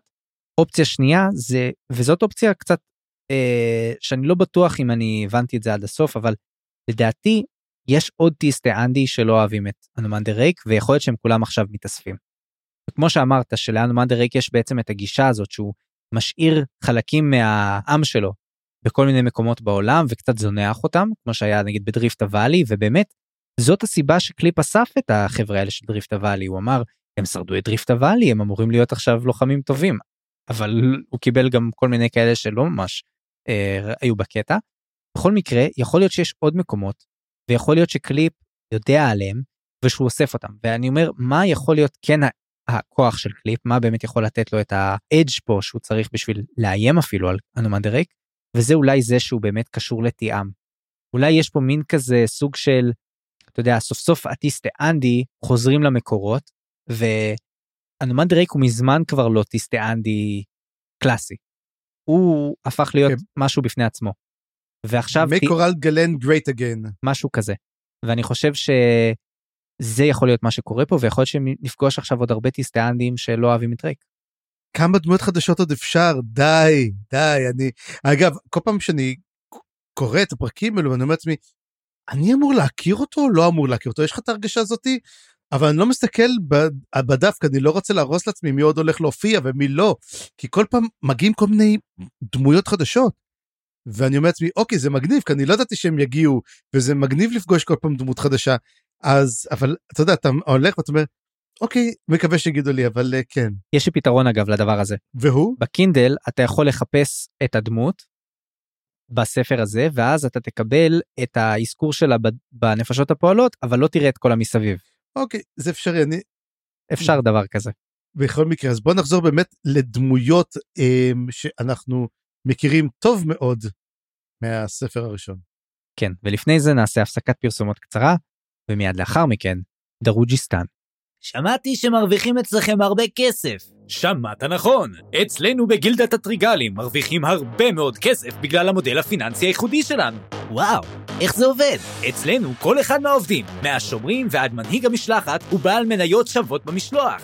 רגע אחד, זאת לא הונאת פירמידה? מה פתאום? אנחנו מבצעים משלוחים לכל מקום, ואני מתכוון לכל מקום. ואם אתה רוצה לבוא ולהשתתף בשמירה על המשלוח, אתה הופך מיד לבעל מניות עם השקעות בחברה. אם אתה שורד את המשלוח, שורד, אתה מקבל המון כסף. מחיר של משלוח אצלנו עולה הון תועפות, וכולם נהנים מהסיפור. ואם אני לא שורד? אז לפחות תמות בידיעה שמשפחתך תצא עשירה מאוד, ולא תזדקק עוד לכלום. וואו, נשמע מדהים! איפה אני נרשם? בסניף הראשי בתרוג'יסטן. בואו גם אתם לפגישת ייעוץ והכוונה עוד היום, ונראה אם יש לכם מה שצריך כדי להפוך לחלק מהגילדה השווה ביותר בגנבקיס. טוב, תודה שחזרתם אלינו ואנחנו נכנסים עכשיו לתוך דרוג'יסטן, ועל דרוג'יסטן נדבר בעצם בשני חלקים, אפשר לומר. חלק ראשון אני קראתי לו עיר שברירית, והחלק השני הקוראת לזרים. אז בחלק הראשון אנחנו בעצם מקבלים את דרוג'יסטן מחדש, וחשבנו שזה אולי רק בפרולוג, אבל לא, ישר הפרק הראשון נכנס לתוך דרוג'יסטן, ואנחנו מקבלים את כל הדמויות האלה שעזבנו אותן, והתגעגענו אליהן מהספר הראשון. יש לנו גם את שורפי הגשרים, שבעצם היו uh, בסוף הספר השלישי, אני חושב דווקא, uh, וגם את קראפ, וגם את מוריליו, וגם את קול, אתה יודע, כזה מין פגישת מחזור כזאת, ועוד מעט נבין שהרבה הרבה יותר מזה, אבל זה כאילו שבנקודה שעזבנו אותה אנחנו אה, ממשיכים איתן, אבל לא ממש, כי אנחנו יודעים שהאירועים פה באמת קורים אחרי הספר השמיני, השביעי. ומצד שני, כמו שאמרתי, זה מה שמסמל הכי הרבה את הסגירה של המעגל עם הספר הראשון, וזה מה שגורם לי לחשוב שהחלק הזה הוא באמת הישורת האחרונה, אנחנו מתחילים בעצם את הסוף של הסדרה. ונתחיל באמת מהפונדק של קרול. יודעים שהוא בבעלותם של שורפי הגשרים לשעבר או הנמלטים והמצב שלהם לא כזה טוב. יש בעצם את הגדרון פטי ש... שמתחיל פה ברקע וזה באמת איפה שהיינו בדרוג'יסטן בפעם האחרונה שהיינו שם. וזה החגיגות עניינים ובדיוק בפונדק חסרים דברים אז הם הולכים לקניות אבל על הדרך הם פוגשים מתנגשים מנסים להרוג אותם, אבל שורפי גשרים לשעבר הם לא אנשים שקל להרוג, והם אה, מטפלים בהם. פיקר הורגת אותם עם אה, חרב שהיא מחביאה מתחת לחצאית, וגם כנראה היא כזה גם לא נראית מאיימת במיוחד, כנראה היא אה, יותר פאג'י ממה שהייתה מקודם, וגם לא מצפים לחרב שמה, כי גם אסור להסתובב עם חרב בעיר. וגם האחרים, שזה אנסי ובלופרל, שאני חייב לומר אני מצטער אבל שכחתי לגמרי מבלופרל כאילו לא יודעת לא זכרתי שיש דמות כזאת גם אני לא אבל נזכרתי הוא היה קוסם של רוז נכון זה מה שאני זוכר. כן. אבל מסתבר שהוא גם יודע להשתמש קצת במוקרה אז הוא משתמש במוקרה בשביל לתעתע במתנגשים ליצור אשליות שלהם ואז הם מורקים אותם. קיצור המתנגשים לא ידעו למה הם נכנסים כנראה. וכל החלק הראשון אנחנו כאילו מתלבטים בפרק הראשון אנחנו לא יודעים מי עומד מאחורי ההתנגשויות האלה בהמשך אנחנו מגלים שזה אמ, מישהו ספציפי ואנחנו נדבר עליו אבל הם מגיעים בעצם לפונדק ומתחילים לנסות להבין רגע מה מה יש פה עושים אספת חירום אה, מביאים גם את דייקר וגם את כל מי שנמצא בפונדק מהחבר'ה ומנסים להבין ואז לתוך הפונדק בעצם אה, מגיע קול בריצה ואומר להם בעצם שמוריליו בצרות וצריך אה, הוא צריך מרפא את מלט שירפא אותו. עכשיו המצב שלהם מתואר גם בצורה מאוד מאוד קשה כי מלט מתואר מאוד מאוד כזה עגום מאז, ה... מאז הבלגן ודייקר תמיד היה עגום וכאילו כל הדבר הזה יש להם במסבאה בעצם בבית המרזח את ה bard הזה פישר קלטף ששם אנחנו מגלים בעצם שהוא נמצא ושהוא לא כזה make sense תמיד. וגם יש שם את הרוחות הרפאים של הבר ותחשוב על זה כאילו הרי זה מקדש של קירול בעצם או אדמה מקודשת של קירול אז כל scrap כזה כל איזה שהוא אה, מכות שהולכת שהולך בבר בפונדק שזה כנראה לא משהו שכזה נדיר הם כאילו פוחדים שאולי הדם שנשפך שם יכול להיות שיהיה לו איזשהו כוח או משמעות בהקשר הזה אבל מלט מסביר שאם זה לא אם זה רק טיפה אז אין לזה מספיק, מספיק השפעה אבל איך תדע מה יקרה אם יישפך שם דם אם יבואו פתאום כל המתנגשים ויהרגו שם מה יקרה. בכל מקרה בוא נדבר רגע על מוריליו באמת כי ההצהרות שלו באמת אה, טיפה מוזרות אני לא הבנתי מה הקטע שם. למה זה כזה חשוב פתאום אבל אולי באמת בשביל לאחד שוב את שתי החברות האלה. אז מוריליו חוזר לסורו קצת אה, עדיין עסוק ב... בעצם לפתות נשים אה, עשירות או משהו כזה, רק שפה גם הוא, שלא כהרגלו, נכנס קצת למסתכן, ומישהי ככה מפתה אותו דווקא, מישהי צעירה, ואז המחזר שלה, או, או דווקא ה... לא, יודע, לא הבנתי מי הוא בדיוק בשבילה. הוא המחזר שלה. המחזר הראשי שלה, הצעיר, אה, הורג בעצם, או מנסה להרוג את מוריליו, דוקר אותו, ומוריליו נמצא בעצם במצב אנוש, וככה הוא מתגלגל לפונדק הפניקס איכשהו, וקרופ מגלה אותו, שולח את מיז שתביא את קול, וקול הולך למלזנים ומביא את מאלט כדי שינסה לרפא אותו, וכנראה מאלט מצליח לייצב אותו, זה אנחנו כן מבינים, אבל לא, לא ברור עד כמה, וזה נראה כאילו המצב של מוריליו יותר עמוק מסתם פציעה פיזית. אמ, אנחנו נראה שהוא מתמודד גם עם כל מיני שדים וכל מיני עניינים אה, פסיכולוגיים. ויכול להיות שלדבר הזה תהיה השלכה עליו, אנחנו לא יודעים בדיוק איך הוא יצא מהסיפור הזה. אבל גם, כמו שאמרתי, זה מאחד בין שתי החבורות, ויש לזה השלכות כנראה בהמשך. אז מה, מה אתה חשבת על כל הקטע הזה? אמ, קודם כל כיף לראות את המלזנים עוד פעם חוזרים את אנסי ואת פיקר ואת uh, כולם. בלנד.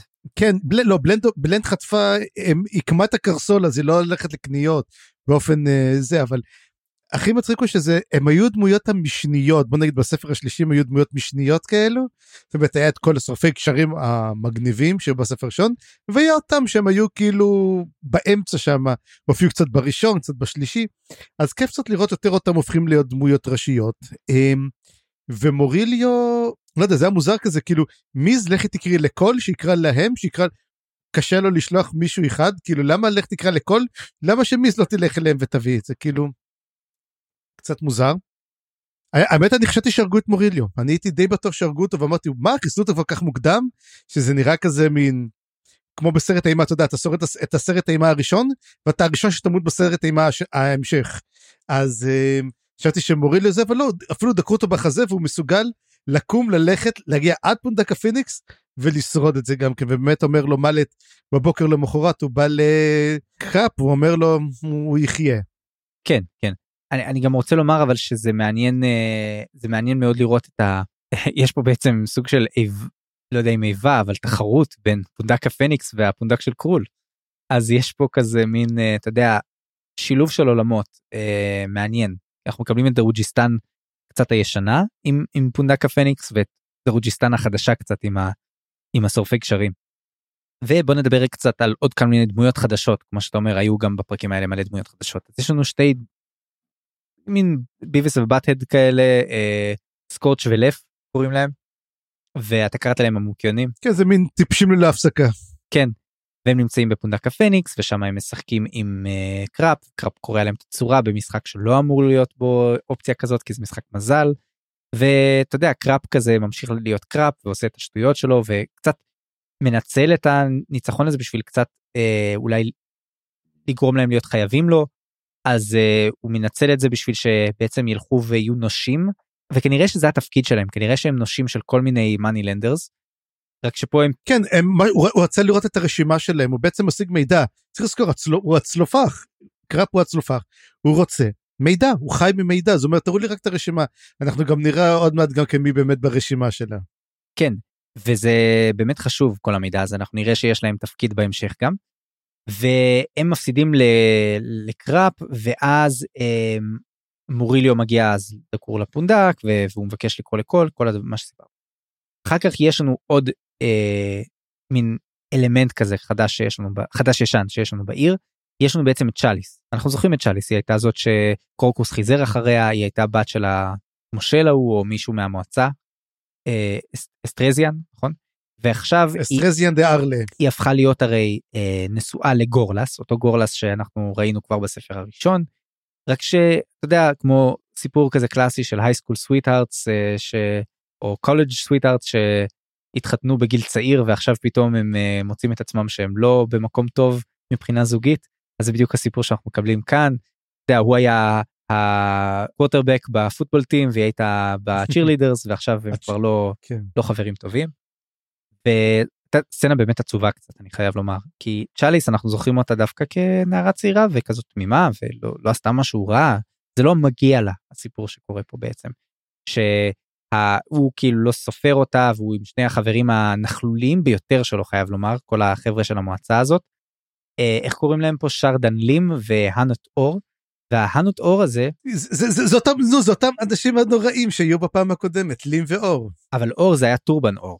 עכשיו זה אור. זה טורבן אור. וזה לים שגם כן הם, הייתה אשתו של לים אתה זוכר שהיא הלכה עם מוריליו. נכון אבל השאלה היא פה זה זה זה לא אותם אנשים זאת אומרת זה קרובי משפחה. זה הבנים שלהם. הבנים או ילדים אה, נכדים אפילו. זה הבנים של ילדים ש... זה הדור הבא אנחנו רואים שבעצם הדור הבא של האצולה של אצולה היא גועל נפש וגם רואים שהם מתחילים איתה מול הפרצוף של גורלס. כן, והוא, וכאילו הוא אומר, גם לא כזה אכפת מה לו. תעשו מה שבא לכם הוא, הוא לא אכפת לו מזה. עצוב עצוב קצת. ממש עצוב. וגם מה שיותר עצוב זה הסצנה הס- הסצנת סיום של הדבר הזה זה שהיא בעצם אומרת למשרתת שלה שתיקח את התכשיטים שלה ותמכור אותם. והיא כמובן נזכרת ב... בחיזורים אני חושב גם של קרוקוס תוך כדי. ויש בעצם היא פר- נזכרת בכל, בכל החיזורים כי היה בספר הראשון שהיא קיבלה המון תכשיטים וכל פעם אמרו הוא הביא לך תכשיט והוא הביא לה תכשיט אז היא אתה יודע זה, זה, זה כואב לה לראות את העבר. זה כואב לה לראות את העבר ויש פה. יש פה מין פרידה מהילדות שלה פרידה מהעבר. סיפור מאוד מאוד עצוב אבל אבל אהבתי אותו זה, זה גם נותן קצת מבט על אתה יודע הצד הקשה בפוליטיקה של העיר שעדיין שם. ובסופו של דבר יש לנו גם אה, סוג של setup פה לפגישה עם קרוקוס אני חושב בהמשך שאנחנו יודעים שגם הוא ברור. מגיע בפרקים האלה ובשלב הזה עוד לא ידענו אבל עכשיו אנחנו כבר יודעים. אז אה, גם יש לנו מין אזכור של ברוק וברוק עדיין עושה את הדברים שלו ואנחנו רואים שהוא עדיין יודע טוב טוב טוב מה קורה יש לו את צ'יל בייס הזה שזה השד שהוא שולח שיסתכל על בית האזף והוא שם לב שיוצא משהו מבית האזף. וצפריר אתה אמרת שיש לך תיאוריה ואני חושב שזה די ברור. זה די ברור כן זה וורקן זה זה וורקן. נכון וורקן יוצאת מבית האזף אנחנו יודעים שהיא מתעוררת. וגם אה, רליק נום מתעורר אבל כנראה היא זאת שמתעוררת קודם כי כשהוא מתעורר היא כבר לא שם אז כנראה שהיא זאת שיצאה מהבית האזף וכשהיא יוצאת צ'ילבייס אומר או זה מתחיל. ו- והוא רץ לספר לאדונו ברוק וזה אתה יודע גם קטע כזה של קצת אה, הפוגה קומית שהוא לא יכול לעוף כל כך כי הוא שמן. ו... אה, אתה יודע. קלאסי. ויש כשהוא מגיע לברוק ברוק עסוק בפגישה עם קרון ופה היו כמה דברים מעניינים קודם כל היה פה שיחה לא קטנה בעצם על אה, היחסים בינו לבין אנומנדר רייק כי אנחנו יודעים שיש ביניהם סוג של חברות נכון. ועכשיו שאנומנדר רייק כאילו מנהל עיר נוספת בגנבקיס כמו שברוק באופן מסוים מנהל פה את דרוג'יסטן או לפחות מסמל פה את השלטון של דרוג'יסטן. יש פה רצון חזק ליצור את זה להפוך את זה לרשמי אתה יודע הוא, הוא בונה כאילו אה, שגרירות ואומר יאללה בוא בוא תצטרף בוא נהפוך את זה לרשמי ומקבל קצת כתף קרה. אה, אה, אנומנדר רייק לא לא זורם איתו כל כך לא לא הולך לשם. אגב מה שמעניין שיש שגרירות מלזנית. יש כן. דרוג'יסטן היא סוג של לא שאומרים אמרו כאילו אולי תיקח מתנקש אומרים לך לשגרירות המלזנית כולם שם מתנקשים כאילו כל הקלאו נמצא שם. זה הקטע האמת די מצחיק. כן לא הוא אומר לפחות לפחות שניים. לפחות ש- כן. ואתה יודע אם יש את הקלאו שאתה רואה ויש את הקלאו שאתה לא רואה. אבל בכל מקרה אני רוצה לומר ש... בנקודה הזאת יכול להיות שהיה הרבה מתח בין ברוק לאנומן דה ריק כאילו הוא לא יודע מה יקרה פתאום אה, חבר שלו לא מדבר איתו הרבה חודשים אבל נראה שזה מתחיל טיפה להשתנות או שפתאום אה, אנומן דה ריק נזכר בו כי הוא שולח את קרוני מתנה שזה מין אה, ספר עתיק כזה שהוא אה, הציל מנצר הירח ומסתבר שהיו המון המון המון שהוא לא הוציא משם וברוק נחרד מאוד כשהוא מגלה את זה כי ברוק הוא scholar כזה הוא אוהב ללמוד הוא מכיר המון כתבים אנחנו יודעים שהוא אסף נגיד את הכתבים של גוטוס נכון? כן. וברוק אה, מגלה דרך הספרים האלה שהוא קיבל מקרון על הברית של רייק ואוסרק נגד דרקונוס. ויש שם כמה דברים אז, אז הוא מזכיר בעצם שני טקסטים שני חלקים שהוא כאילו אפילו מקריא מהעמוד. וזה מזכיר באמת בעצם את הסצנות האלה שהוא היה יושב עם קראפ ו- וקורא מתוך גוטוס פולי נכון? אז פתאום הוא קורא את החלק הזה וישר איך שהוא קורא את החלק הזה הוא גם מצביע על למה זה למה זה לא כל כך אמין הטקסט הזה כי אפילו הנומן דה ריק כשהוא ראה את הטקסט הזה הוא כאילו התפוצץ מצחוק כי מתארים אותו שם בצורה מאוד כזאת דרמטית וכזאת אה, קצת פתטית אפילו אה, איך שהוא נופל וצועק ואתה יודע הכרזות כאלה מליציות שהוא שהוא אומר אבל בעצם מה יש בקטע הזה יש שם אה, אזכור כזה של אלף האלים שזה משהו של אף אחד לא מכיר משום מקום אחר אז הוא חושב שזה המציא את זה פה אבל יש לי תיאוריה קטנה צפריר. אוקיי. אני חושב שאולי אלף האלים זה העזה. כי העזה תשמע, אנחנו יודעים גם על האל בעל אלף האצבעות.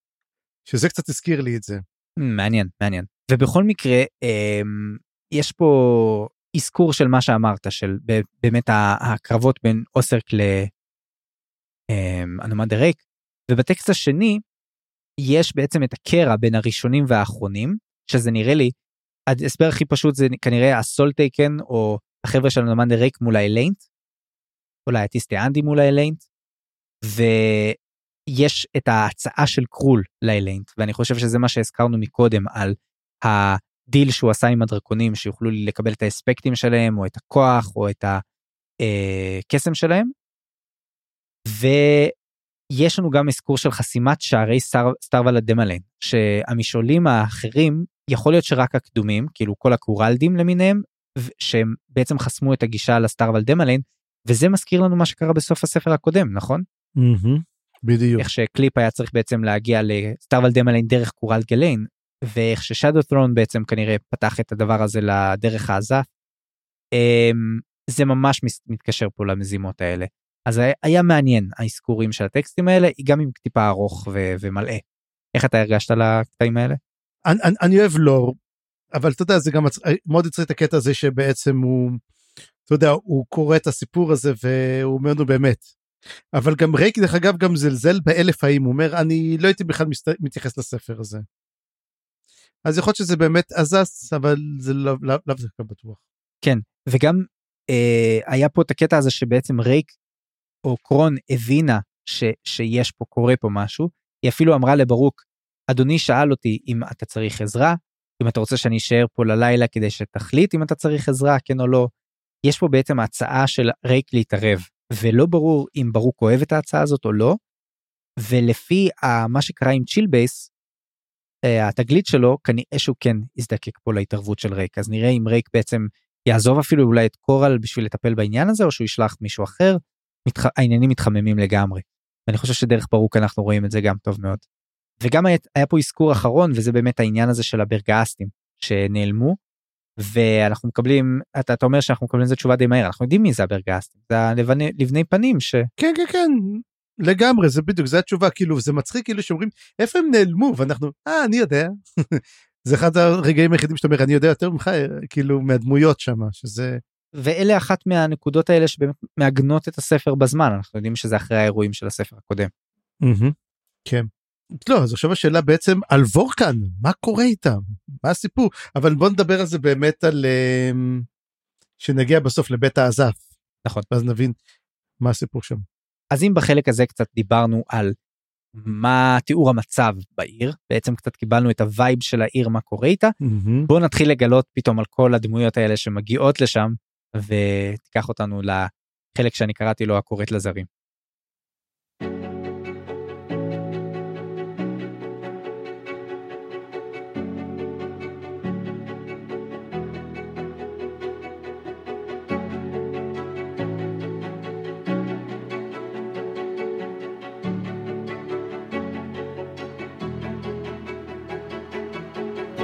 כן.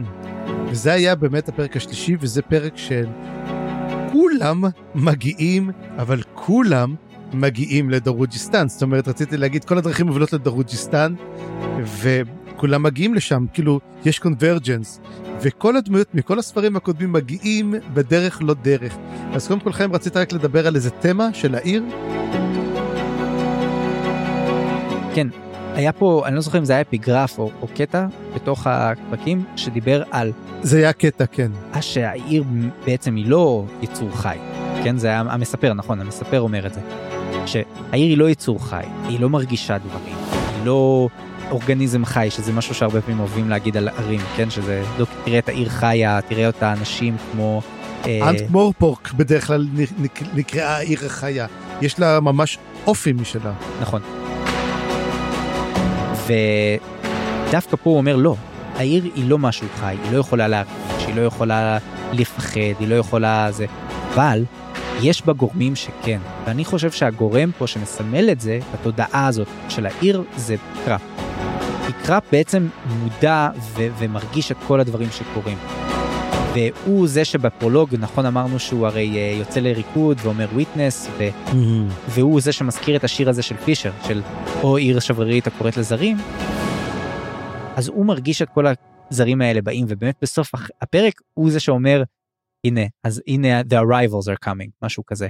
יש את ה-arrivals. אגב, אני אשאל, אני אשאל אותך שאלה. אולי החלק האחרון, הווינייטה החמישית של קראפ שמדבר עם כל זה, היא בסוף הספר, ולמעשה הוא מספר לנו את הסיפור, תוך כדי הריקוד. מעניין מאוד. ולכן אנחנו וויטנס, אנחנו רואים כרגע את מה שקורה. זה באמת מרגיש, אה, זה באמת מרגיש משהו כזה, אבל בסוף של החלק השלישי יש מין אה, מונטאז' כזה של כל הדמויות שאנחנו נזכיר מהמם. עכשיו, שאני מאוד מאוד אהבתי אותו. זה למה אני אומר, יש פה מין פתיחה וסגירה של הפרק הזה, ואני מאוד מאוד אהבתי את זה. אז באמת בוא נתחיל ונמנה את כל מי שמגיעים. דבר ראשון, מגיעים הטריגלים, זה נפתח בזה שהם יוצאים מאיזה מסע נוראי, אבל פשוט נוראי. הם הרבה שורדים דרך אגב שמה, הם מגיעים בחזרה, הם, תוך כדי זה גם כן, זה, איך זה, הם נוגעים, הנהג שלהם עף מהכרכרה, יש שם איזה קטע קצת קומי שם, ואז הם הולכים לפונדק, לפונדק של קוויפ דרך אגב, אז הנה, הפונדק השלישי שיש, לא כולם בפיניקס הפעם, ראית את זה? זאת עיר גדולה. הם הולכים לקוויפ והם רוצה, אומר להם אתם רוצים לשתות והם כאילו לא מגיבים, הם כאילו בהלם. ואז נותן להם לשתות והם פשוט, הוא מוזג להם, הברמן מזג להם והם רועדים, הידיים שלהם רועדות, הם עברו משהו זוועתי ביותר, והמטען שלהם זה גופות. אמ, אז עכשיו, בגלל זה, כמו שאמרנו, אולי בעצם הם הביאו את הגופות בעצם של מה שראינו בפרולוג. קשר, אין קשר? אין אופציה שמה שהם הביאו זה בעצם המסע האחרון שלהם עם גנואס פארן? זה לא אותם אנשים. הערים? הם אומרים את השמות שלהם, זה לא אותם אנשים. נכון, זה מה שהיה לי מוזר. אז אוקיי, אז ענית לי על השאלה הזאת.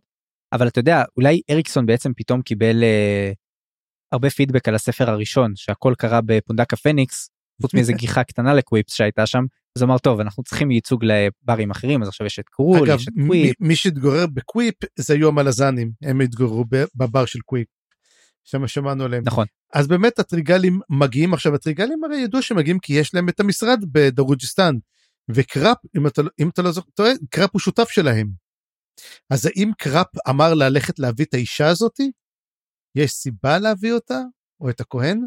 שאלות, שאלות. כן, אתה יודע, אנחנו לא יודעים שאלות, שאלות, כמה שאלות.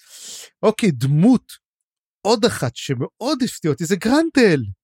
וגרנטל מהספר השלישי, אותו אממ, tiger man, מגיע, אבל מתברר שזה גרנטל, הוא לא ה mortal sword של טרייק, אלא הוא עדיין, um, אתה יודע, אממ, שכיר חרב, והוא מגיע לדרוג'יסטן, ו... ומתברר שיש לו כוח חדש, הוא יכול להחיות מתים. הוא בעצם הוא מגיע שם והנהגים כל הנהגים של הכרכרות הם מתים. זאת אומרת האנשים מתו והוא בעצם יחיה אותם והם כאילו לא ממש החיה אותם, יותר כמו שלט בהם, אה, הוא, הוא יכול אה, לה, לה, להשתמש בהם עדיין. זימבט אותם נקרא לזה. ואני שוב אני, אני אגיד פה שמה שאנחנו רואים עם גרנטל גם אותי הוא טיפה בלבל אבל אני רוצה רק להגיד ל, ל, להצביע רגע על האפקט הזה המאוד מגניב שקורה לי בספרים של אריקסון שכשאנחנו פתאום מקבלים אקספוזיציה של דמות חדשה השאלה הראשונה שאתה שואל זה מי זה אני מכיר אותו מי זה מי זה מי זה. ואתה מחכה לרמז הראשון ומה היה הרמז הראשון פה שלו של גרנטל שהוא הפך לנמר. אז לא אני כבר קיבלתי את זה מה scimitars אה, הוא אומר יש לו שני scimitars ואז אני כזה רגע למי היו שני scimitars זה, זה יכול להיות זה לא זה לא יכול להיות זה אה, אגב לקח לי לקח לי זמן לקלוט שזה הוא ואמרתי רגע גרנטל אתה יודע אני כזה מין לא לא לא לא קלטתי בכלל שזה הוא. אמ, אז זהו זה וחוץ מזה זה קצת מוזר כי הרי גרנטל הוא הפך להיות המורטל סורד של דרייק והיה לו חבורה. איפה היא? מה קרה שם? זהו אז הוא, הוא תיאר את זה הוא אמר שכולם מתים לא כולם מתו. הם כולם נכון א' החבורה שלו לא הייתה ענקית ולאורך השנים הם הרי עסקו במה שהם עסקו הם עדיין היו שכירי חרב כאלה. כמו שחרבות האפרות הם היו שכירי חרב נכון? אז גם ה- הכת של טריק הייתה שכירי חרב ולאט לאט הם התחילו למות.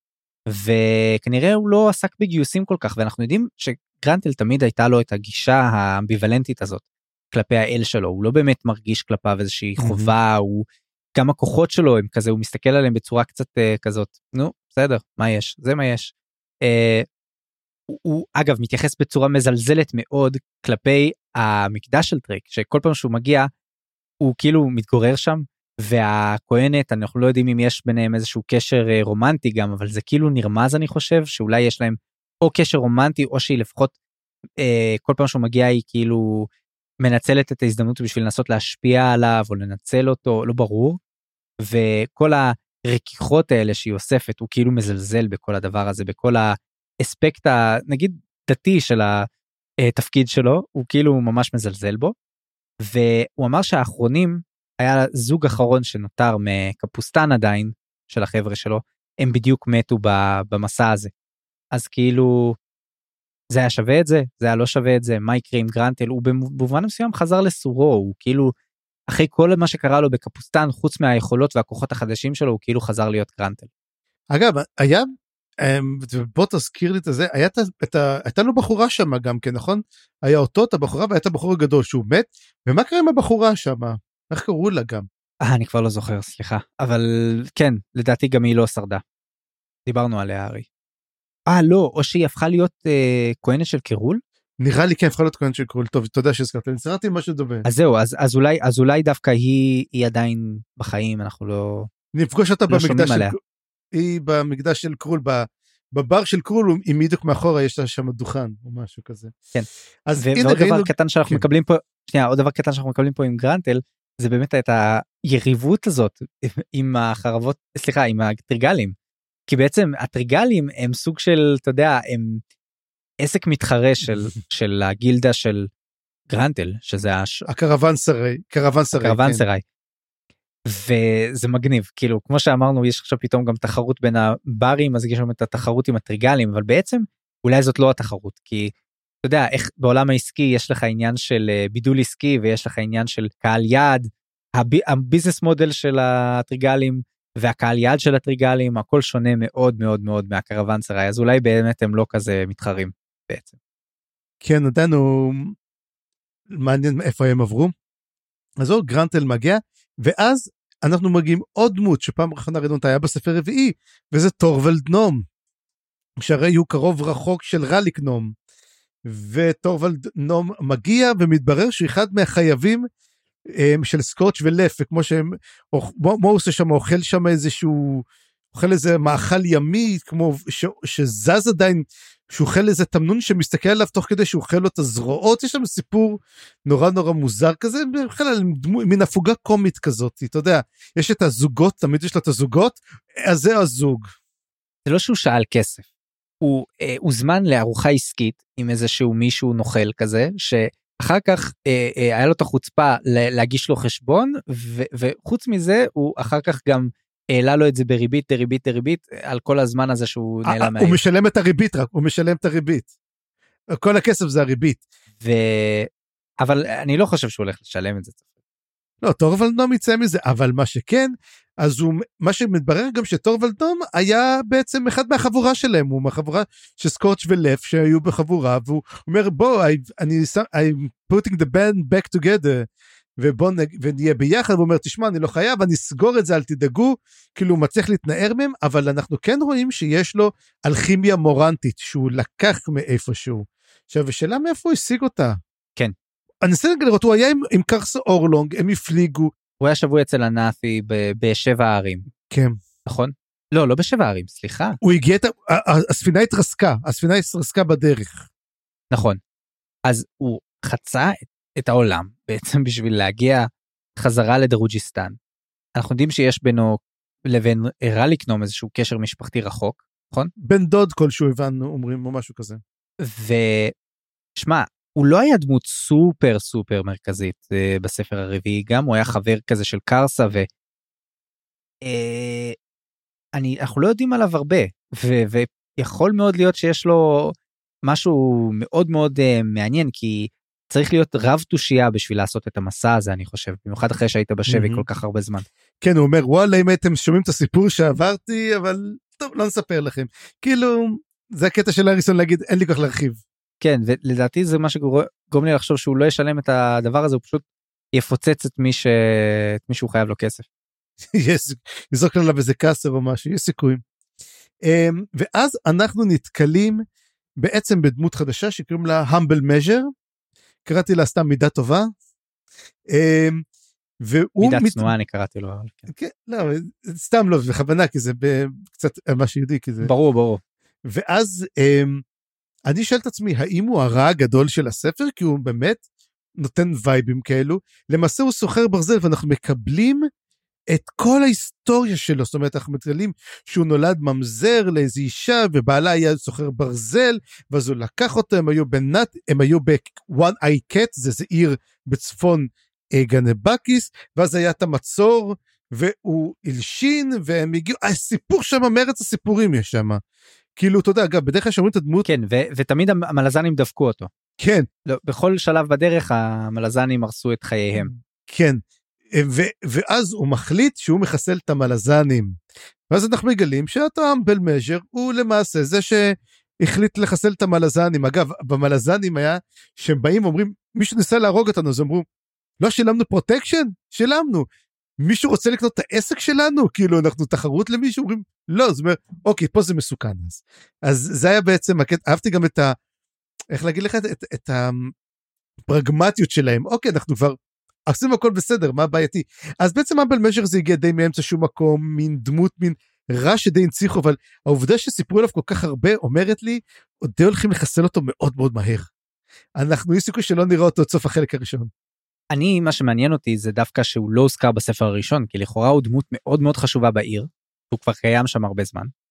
ודבר נוסף אני רוצה לומר שהוא מזכיר לי מאוד מאוד מאוד דברים בלת'רס כאילו האלמנט הלטרני הזה של אה, אתה יודע כסף ותעשייה וקפיטליזם ו, וגם כל העניין הזה שאתה יודע זה מאוד מזכיר סיפורים של מצליחנים גדולים בעולם שלנו אתה יודע שבנו את העסק במו ידיהם ושהיה להם ילדות השוקה וכל הדברים האלה ועכשיו הוא סוג של מונופוליסט כזה של, ה, של תעשיית הברזל והוא אה, מש, משחד את הרשויות והוא אה, מזהם את הסביבה כל הדברים האלה. אבל גם מה שהגניב אותי בסיפור שלו שהוא הזכיר לי מאוד את מכשפת נוצה. אתה יודע הוא מוצא את המעברים התת קרקעיים הוא מתחיל ללמוד טקסטים אסורים שהוא הצליח אה, לשלוף מהמקומות הוא כנראה מתעסק עם קסם אה, עתיק ו- ו- ואפל. זה מאוד הזכיר לי את הדמות של אה, מחשבת נוצה מהספר הקודם. כן מוזר מאוד שברוק לא מטפל בו כאילו נראה ש... או שהוא כן מטפל בו והוא יודע עליו מהצד. לדעתי הוא מצליח לשמור על הסוד שלו לא רע. זאת אומרת הוא יודע יש רק כל האנשים שלו הם מאוד מאוד מאוד אה, אפשר לסמוך עליהם והם מאוד מאוד נאמנים לו. זה אנחנו יודעים. יש רק בן אדם אחד מכל עוזריו שיודע על, על התעשייה הסודית שלו. וחוץ מזה הוא נמצא בחדרים פנימיים מתחת לעיר שיש עליהם כל מיני הגנות עתיקות שהוא משתמש בהם כאילו הוא מנצל אותן. אז נראה שיכול להיות שאף אחד לא יודע על כל הדבר הזה. אפילו לא ברוק ואולי אפילו לא הצלופח למרות שכל העיסוק הזה עכשיו של של uh, קראפ שהוא לוקח על עצמו לברר מי הביא את המתנגשים בשביל המלזנים אז יכול מאוד להיות שקראפ ילמד עליו. כי לא נראה לי שהרבה דברים יכולים להישאר חסויים מקראפ. כן.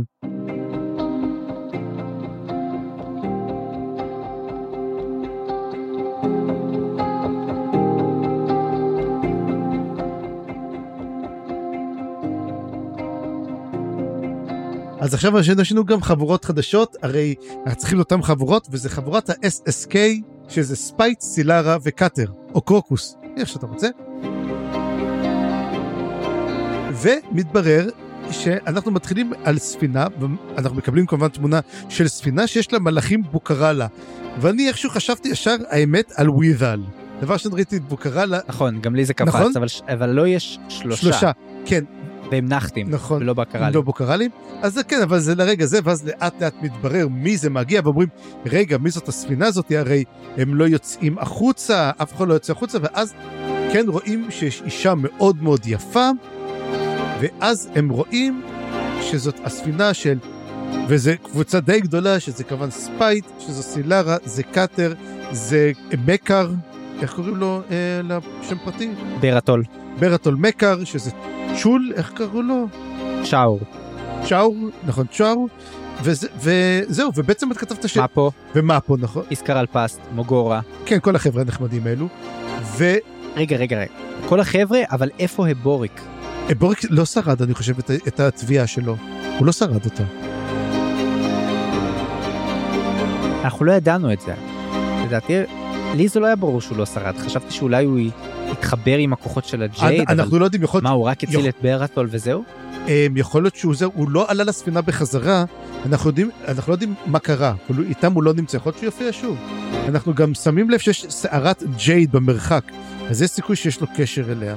אני חושב שזה פשוט זה זיכרון שהם נזכרו בסערת ה jade. לא בטוח שהם ראו אה, עכשיו סערת אגב, ה jade. תגיד לי, הבוריק היה כהן של טרייק, נכון? נכון מאוד. אז הנה, אנחנו יש לנו את גרנטל, אנחנו כמעט נראית, בטוח שנראה את הבוריק שוב. אני מקווה, אני מאוד אהבתי את אגב. אם יש את הבוריק גם כן, אז אמ, אולי גם אנחנו נראה גם אולי דייקר גם כן יחד עם הבוריק, שזה גם כן יכול להיות מעניין לראות את השילוב של... וואו, איחוד בין דייקר ליבוריק זה יהיה מדהים. כן.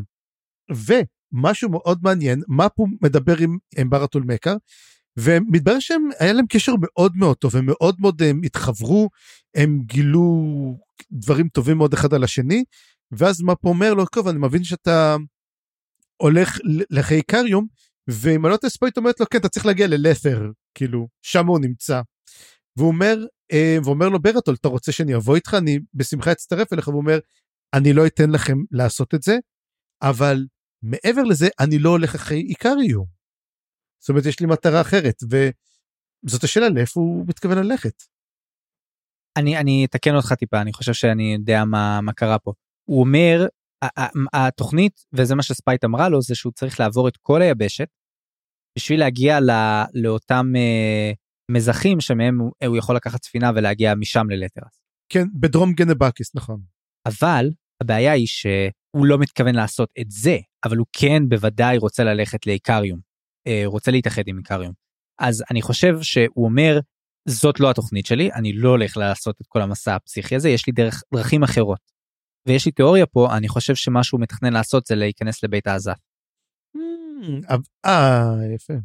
הטיעון שלי פה זה שמאפו הוא הרי מהכת של חסרי השם, שהוא מכיר את בית העזת, הוא יודע איך הם עובדים, הוא יכול להיות שיש לו דרך ויכול להיות שהוא פשוט מאוד נואש, אז הוא הולך לנסות משהו נואש, אבל uh, זאת התיאוריה שלי לפחות, ובוודאי שהוא לא יכול לקחת את החבר'ה איתו. אגב, רק, רק להזכיר לך, אין בית עזת בלתרס יותר.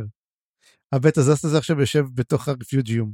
אה, לא, יש בית ב- בלתרס, לא בלתרס, אבל ב- בים שם, בים וברפיוג'יום שם. אין, אנחנו לא יודעים... אה, נכון? נכון. אבל בים זה טוב. מה פורנט, אני לא יודע כמה זמן הוא יכול להחזיק את הנשימה מתחת למים, אבל מה הוא גיא בש... הוא הוא, יפ- הוא יפגוש שם את הוא גיא בסטריפווד? מה? וואי וואי איך הזכרת לי עכשיו גיא ברש. אוי, הק- curse of monkey כן. תשמע, הכישרון שלו היה- היה לנשום עשר דקות מתחת למים.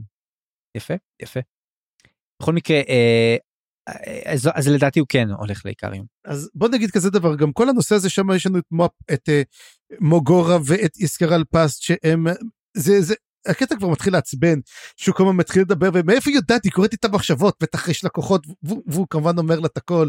ויש איזה סיפור שלמה הפרד הפך להיות פרידה פתאום? ואומר, רגע, מה פתאום זה שינה את המין שלו?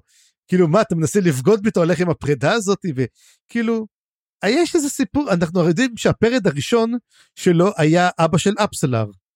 האם יש חשיבות בעצם ל... ל- לפרד או לפרידה הזאתי? אולי זה בוריק. אולי, בוריק שינה את מינו. אוקיי, בקיצור אה, כן כן קטע מוזר אבל אבל גם אהבתי שם את המתח בין אה, קאטר שהוא כאילו נעל, אה, אה, מאוד רוצה לרדת ל, למזח אבל לא, היא לא נותנת לו היא אומרת לו שעדיף לעשות את זה בלילה ואז הם בעצם מחכים להתחלה של החגיגות מה שאומר שאולי זה קרה דווקא לפני ההגעה שלהם וגם אני חושב שקראפ הזכיר הגעה מהים איזושהי ספינה כן. זה... אז לדעתי זה מה שהוא הרגיש בעצם. וגם ספייט בעצמה היא מרגישה כוחות מאוד מאוד חזקים בעיר. ואני שואל את עצמי מה היא עשויה להרגיש שם אולי היא מרגישה את אה, קראפ אולי היא מרגישה את קרול אולי את וורקן, אולי היא מרגישה משהו אחר אנחנו צריכים לדבר, אולי את אנחנו וורקן צריכים נכון לדבר על וורקן באמת. ועוד דבר אחד מעניין גם כן, זה בעצם המערכת יחסים בין קאטר לבין סילרה ואנחנו ראינו שקאטר הולך עם סילרה אבל קאטר מתבייש בסילרה והיא יודעת את זה. זאת אומרת, הוא אומרת לו מה אתה רוצה שכאילו תסתובב עם הזונה שלך וזה, וכשהם יוצאים לחוף, קאטר לא הולך איתה. הוא הולך לפגוש את החברים שלו, הוא הולך לפונדק הפיניקס, והיא הולכת להסתובב עם, אה, היא מסתובבת עם ברטול מקר, ועם אה, עם צ'אור, הם מסתובבים שם, והיא מאוד מושכת עיניים, אומרים וואו, איזו אישה יפה וזה, היא מאוד מאוד אה, מושכת אותם, אבל זה מראה גם כן את הניתוק שאריקסון עושה מהמערכת יחסים בין, בינה בעצם, קאטר is single again, מה שפותח קצת את הפתח לצ'אליס. יכול להיות, אני, אני גם חושב, אני לא בטוח שזה ייפתר כל כך בקלות, אבל, אבל uh, אנחנו נראה שיש לו, יהיו לו דברים אחרים לחשוב עליהם, הרי הוא הולך לפגוש עכשיו את החברים שלו, וכנראה הוא יגיע לשם, והוא יכול להיות שגם רליק נום יגיע לשם באותו זמן, יש שם uh, הרבה דברים לפתור, ולדעתי העניין פה עם סילרה הוא פחות, uh, פחות קריטי בסיפור הזה, אבל יכול להיות שיש לזה כן, השלכות. תשמע, אני גם, אני רוצה גם לעשות, גם באמת לוטו, להגיד מי שורד, מי לא שורד, כי יש לי הרגשה, תקן אותי אם אני טועה, שלא הרבה ישרדו את הספר הזה. אני חושב שאם אמרנו סופות הקוצר... חכה, חכה, חכה, חכה. וואו, תשמור, תשמור את הנבואות זעם שלך להמשך טיפה, אנחנו עדיין לא יודעים כלום, אתה כבר אומר שכולם הולכים למות? למרות שאף אחד עדיין לא מת. עדיין. להפך, אנחנו רק מקבלים נכון. את הדמויות. אז בוא באמת נלך... אז בוא, בוא, בוא נחכה עם זה. אמרת שיש לך בעצם גם כן תיאוריה בקשר לנבואות של מוגורה. נכון, רק נקודה קטנה, יש שם את הקטע שנבואה כאילו... יש שם כאילו את הקטע שמוגורה מתנבאת ואומרת אה, אני יודעת שאתה הולך לפגוש את היריב אה, את הנמסיס שלך היא אומרת לאיסקרל פסט מתוך כעס. ואז ספייט אומרת לה אה, לא ידעתי שיש לך יכולות ניבוי אבל אז אני חושב לעצמי רגע מה אם הוא באמת הולך לפגוש את הנמסיס שלו ואז חשבתי מי יכול להיות הנמסיס של איסקרל פסט ויש לי פה שתי אופציות. Mm-hmm. אופציה אחת זה קראפ. למה שניהם מאוד מאוד מזכירים אחד את השני בסגנון דיבור שלהם ובחוכמה שלהם ובזה שהם לא נראים חכמים אבל בעצם הם הכי חכמים mm-hmm. זאת אופציה אחת. והאופציה השנייה אין לה ביסוס חוץ מזה שהקטע הזה בא ישר אחרי וזה מידה טובה. שהוא הולך להיות בעצם הנמסיס שלו כי הוא כזה גם עכשיו אה, מתעסק בקסמים עתיקים ויש פה קוסם הצללים החזק מאוד אז לדעתי יכול להיות שזה גם אה, אופציה שזה הנמסיס שלו שיהרוג אותו. וואו טוב אנחנו נראה או שבעצם הנמסיס שלו יש סיכוי שזה קוטיליון דרך אגב. הוא לא כך סובל אותו. מצד שני לקוטיליון היו כל כך הרבה הזדמנויות להרוג את פסט וגם אני בטוח שיש לפסט חשיבות או, או יעילות כלשהי שהם זקוקים לה. כן, אז אנחנו באמת צריכים לראות ואנחנו נלך על בעצם שני דברים אחרונים אז דבר ראשון זה בית האזף.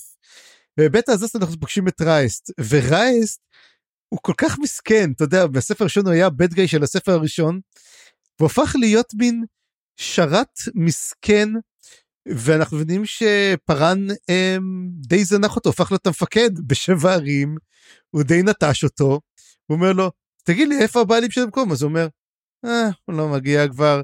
והוא ורליקנו מתעורר שם. הוא אומר טוב בוא דבר איתי אני משועמם אין לי מי לדבר כאילו. ואז הוא אומר ותשמע יש פה בעיה אחרת מה אומר אמ, וורקן הייתה פה עוד אחת איתך נכון היא, היא לא נמצאת הוא אומר אבל זאתי שדה שלא הוא אומר מי אתה שד? הוא אומר אני לא שד אבל מי שעזבה פה כן שד.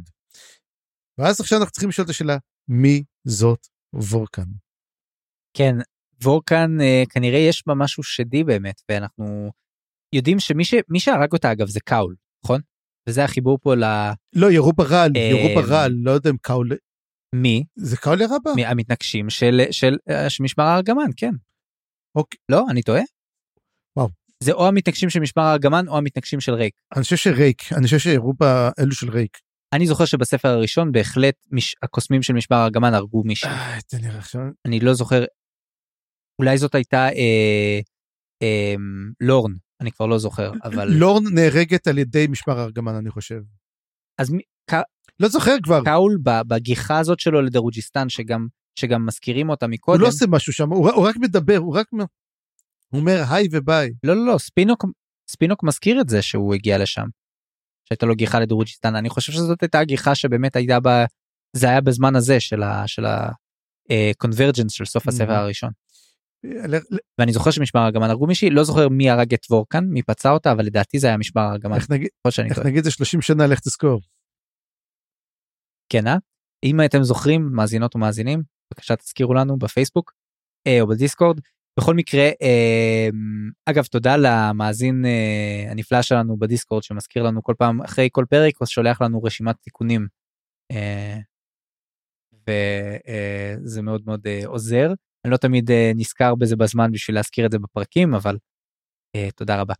ולמעשה הפרק השלישי הפרק האחרון נגמר שקראפ בעצם רואה את כל מה שקורה וזה גם כן אולי בעצם נתן קונטרה למה שאמרת הרי אומרים שהעיר מתה ולא רואה בה הכל אבל אולי קראפ הוא דרוג'יסטן בעצם. זה מה שאני אומר התודעה של דרוג'יסטן הוא זה היא קראפ אני אמרתי את זה אני זה מה שאני חושב כאילו העיר עצמה היא מתה. אבל יש לה את הקראפ הזה שהוא מחבר את כל החלקים הוא הצלופח כן. הוא ה-overseeing eye כן שרואה את הכל כל מה שקורה הוא מרגיש את זה גם הוא לא חייב לראות. הוא יודע על מי שמגיע מהים הוא כנראה יודע על הטריגלים הוא יודע על גרנטל. אני לא יודע באמת אם הוא יודע על כולם אבל זה מוזכר פה כאילו אחרי כל המונטאז' הזה בסוף הפרק השלישי mm-hmm. שעושה כזה ספירת מלאי על כולם אני מאוד אהבתי את החלק הזה זה היה כל כך יפה. שזה טוב מאוד כי זה עוזר לך גם להבין כבר מה קורה. השאלה עצמה אם אתה חושב כזה דבר האם זוס אנחנו נשארנו פה בדרוג'יסטן ובקורל האם גנבקיס זה זה או שפתאום בחלק השני פתאום נחזור למלזנים בלת'ר האם יש עלילה שאנחנו לא יודעים עליה כי יש תזכור יש לנו גם כן עוד שתי בנות של קרסה שמחכות לנו יש עוד uh, דרג ניפור כאילו נראה כאילו אנחנו יודעים תמיד בכל בכל ספר איפה אנחנו מתחילים אנחנו לא יודעים איפה אנחנו מסיימים אותו. שאלה מצוינת.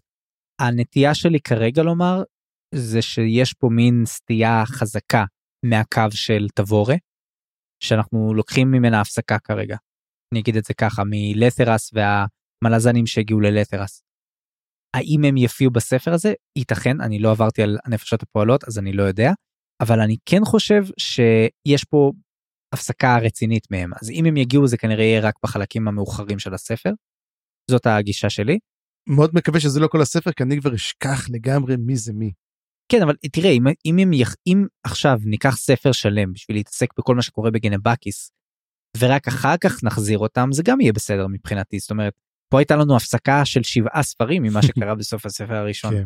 שרק עכשיו יש לנו תחילה התחלה של סגירת uh, מעגל פה ואני חושב שהגיע הזמן לעשות את הסגירת מעגל פה. ואז אתה יודע מה? יש הנה יש לי פה תיאוריה ממש מופרכת אבל בוא למה לא בוא נסיים בתיאוריות ממש מופרכות? הכי טוב. אני אומר שכל הספר לא נראה תבורה ואז בספר הבא זה יהיה בעצם האיחוד של האחים uh, לבית פארן של תבורה וגנואס שהם שניהם יחזרו. אוקיי אני מקווה כי אני אשמח מאוד מאוד uh, לראות את האיחוד הזה גם כן. ומה אתה אומר אתה איך אתה מסכם את החלק הזה אני אני אחזור רק על מה שאמרתי בקצרה mm-hmm. אני מאוד מאוד אהבתי את ההתחלה הזאת גורמת לי ממש לרצות להמשיך לקרוא. יש לי תחושה טובה מאוד לגבי ההתחלה של הספר הזה. כן חייב להגיד שהתחלה מעניינת כיף לחזור לדרוג'יסטן כי אני גם אהבתי מאוד את דרוג'יסטן ואני אוהב מאוד את הדמויות. אמ, נראה לי שאנחנו הולכים אולי לקבל קצת שבירה של מה שהיה בראשון. אתה יודע אנחנו הרי באים עם כל הזיכרון שמה שלנו מהספר הראשון מהספר השלישי הוא מציג לנו את אותם דמויות אבל עכשיו הוא הולך קצת אולי לשבור לנו משהו כי אחרת אנחנו די נחזור לאותו דבר כן ולא נראה לי שנעשה את זה זאת אומרת נתכונן הרבה לשברון לב. ככה זה נראה לי לגמרי והפרמונישן הזה שדיברת עליו כן גם השאלה רמוז במילים העיר שברירית וגם איך שקאטר אומר אני מרגיש שהעיר בסכנה. וכנראה גם קראפ מתכונן לזה אבל קראפ אתה יודע הוא כזה הוא טיפוס כאילו עם, עם חזות מאוד אופטימית אז לא רואים את זה ממנו אבל לדעתי קראפ גם יודע ש shit's gonna happen וכנראה זה יקרה בקרוב. אז יאללה להתחיל לקרוא ולראות אה, מה קורה. ובמילים אלו נגיד שזהו לעתה. בפעם הבאה נקרא את הפרקים 4 עד 6 ונסיים את השבועה לשמש החלק הראשון בספר הקריאה לכלבים הספר השמיני בסדרה. אני חיים גורוב גלברט. אני צפריר גרוסמן. תוכלו ליצור איתנו קשר בקבוצת הפייסבוק ובערוץ הדיסקורד שלנו, פרטים בתיאור הפרק. ואם אהבתם מה ששמעתם, דרגו את הפודקאסט באפליקציית הפודקאסטים החביבה עליכם, וספרו עלינו לחברים שלכם. תשכנעו את כולם לקרוא את מלאזן, יאללה, קדימה. עריכה וסאונד חיים גורוב גלברט.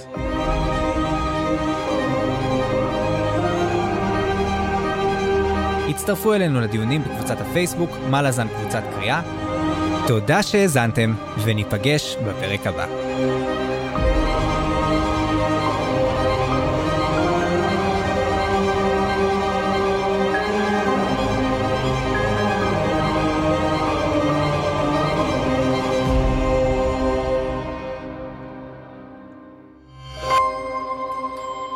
היזיון, הסכתים פנטסטיים.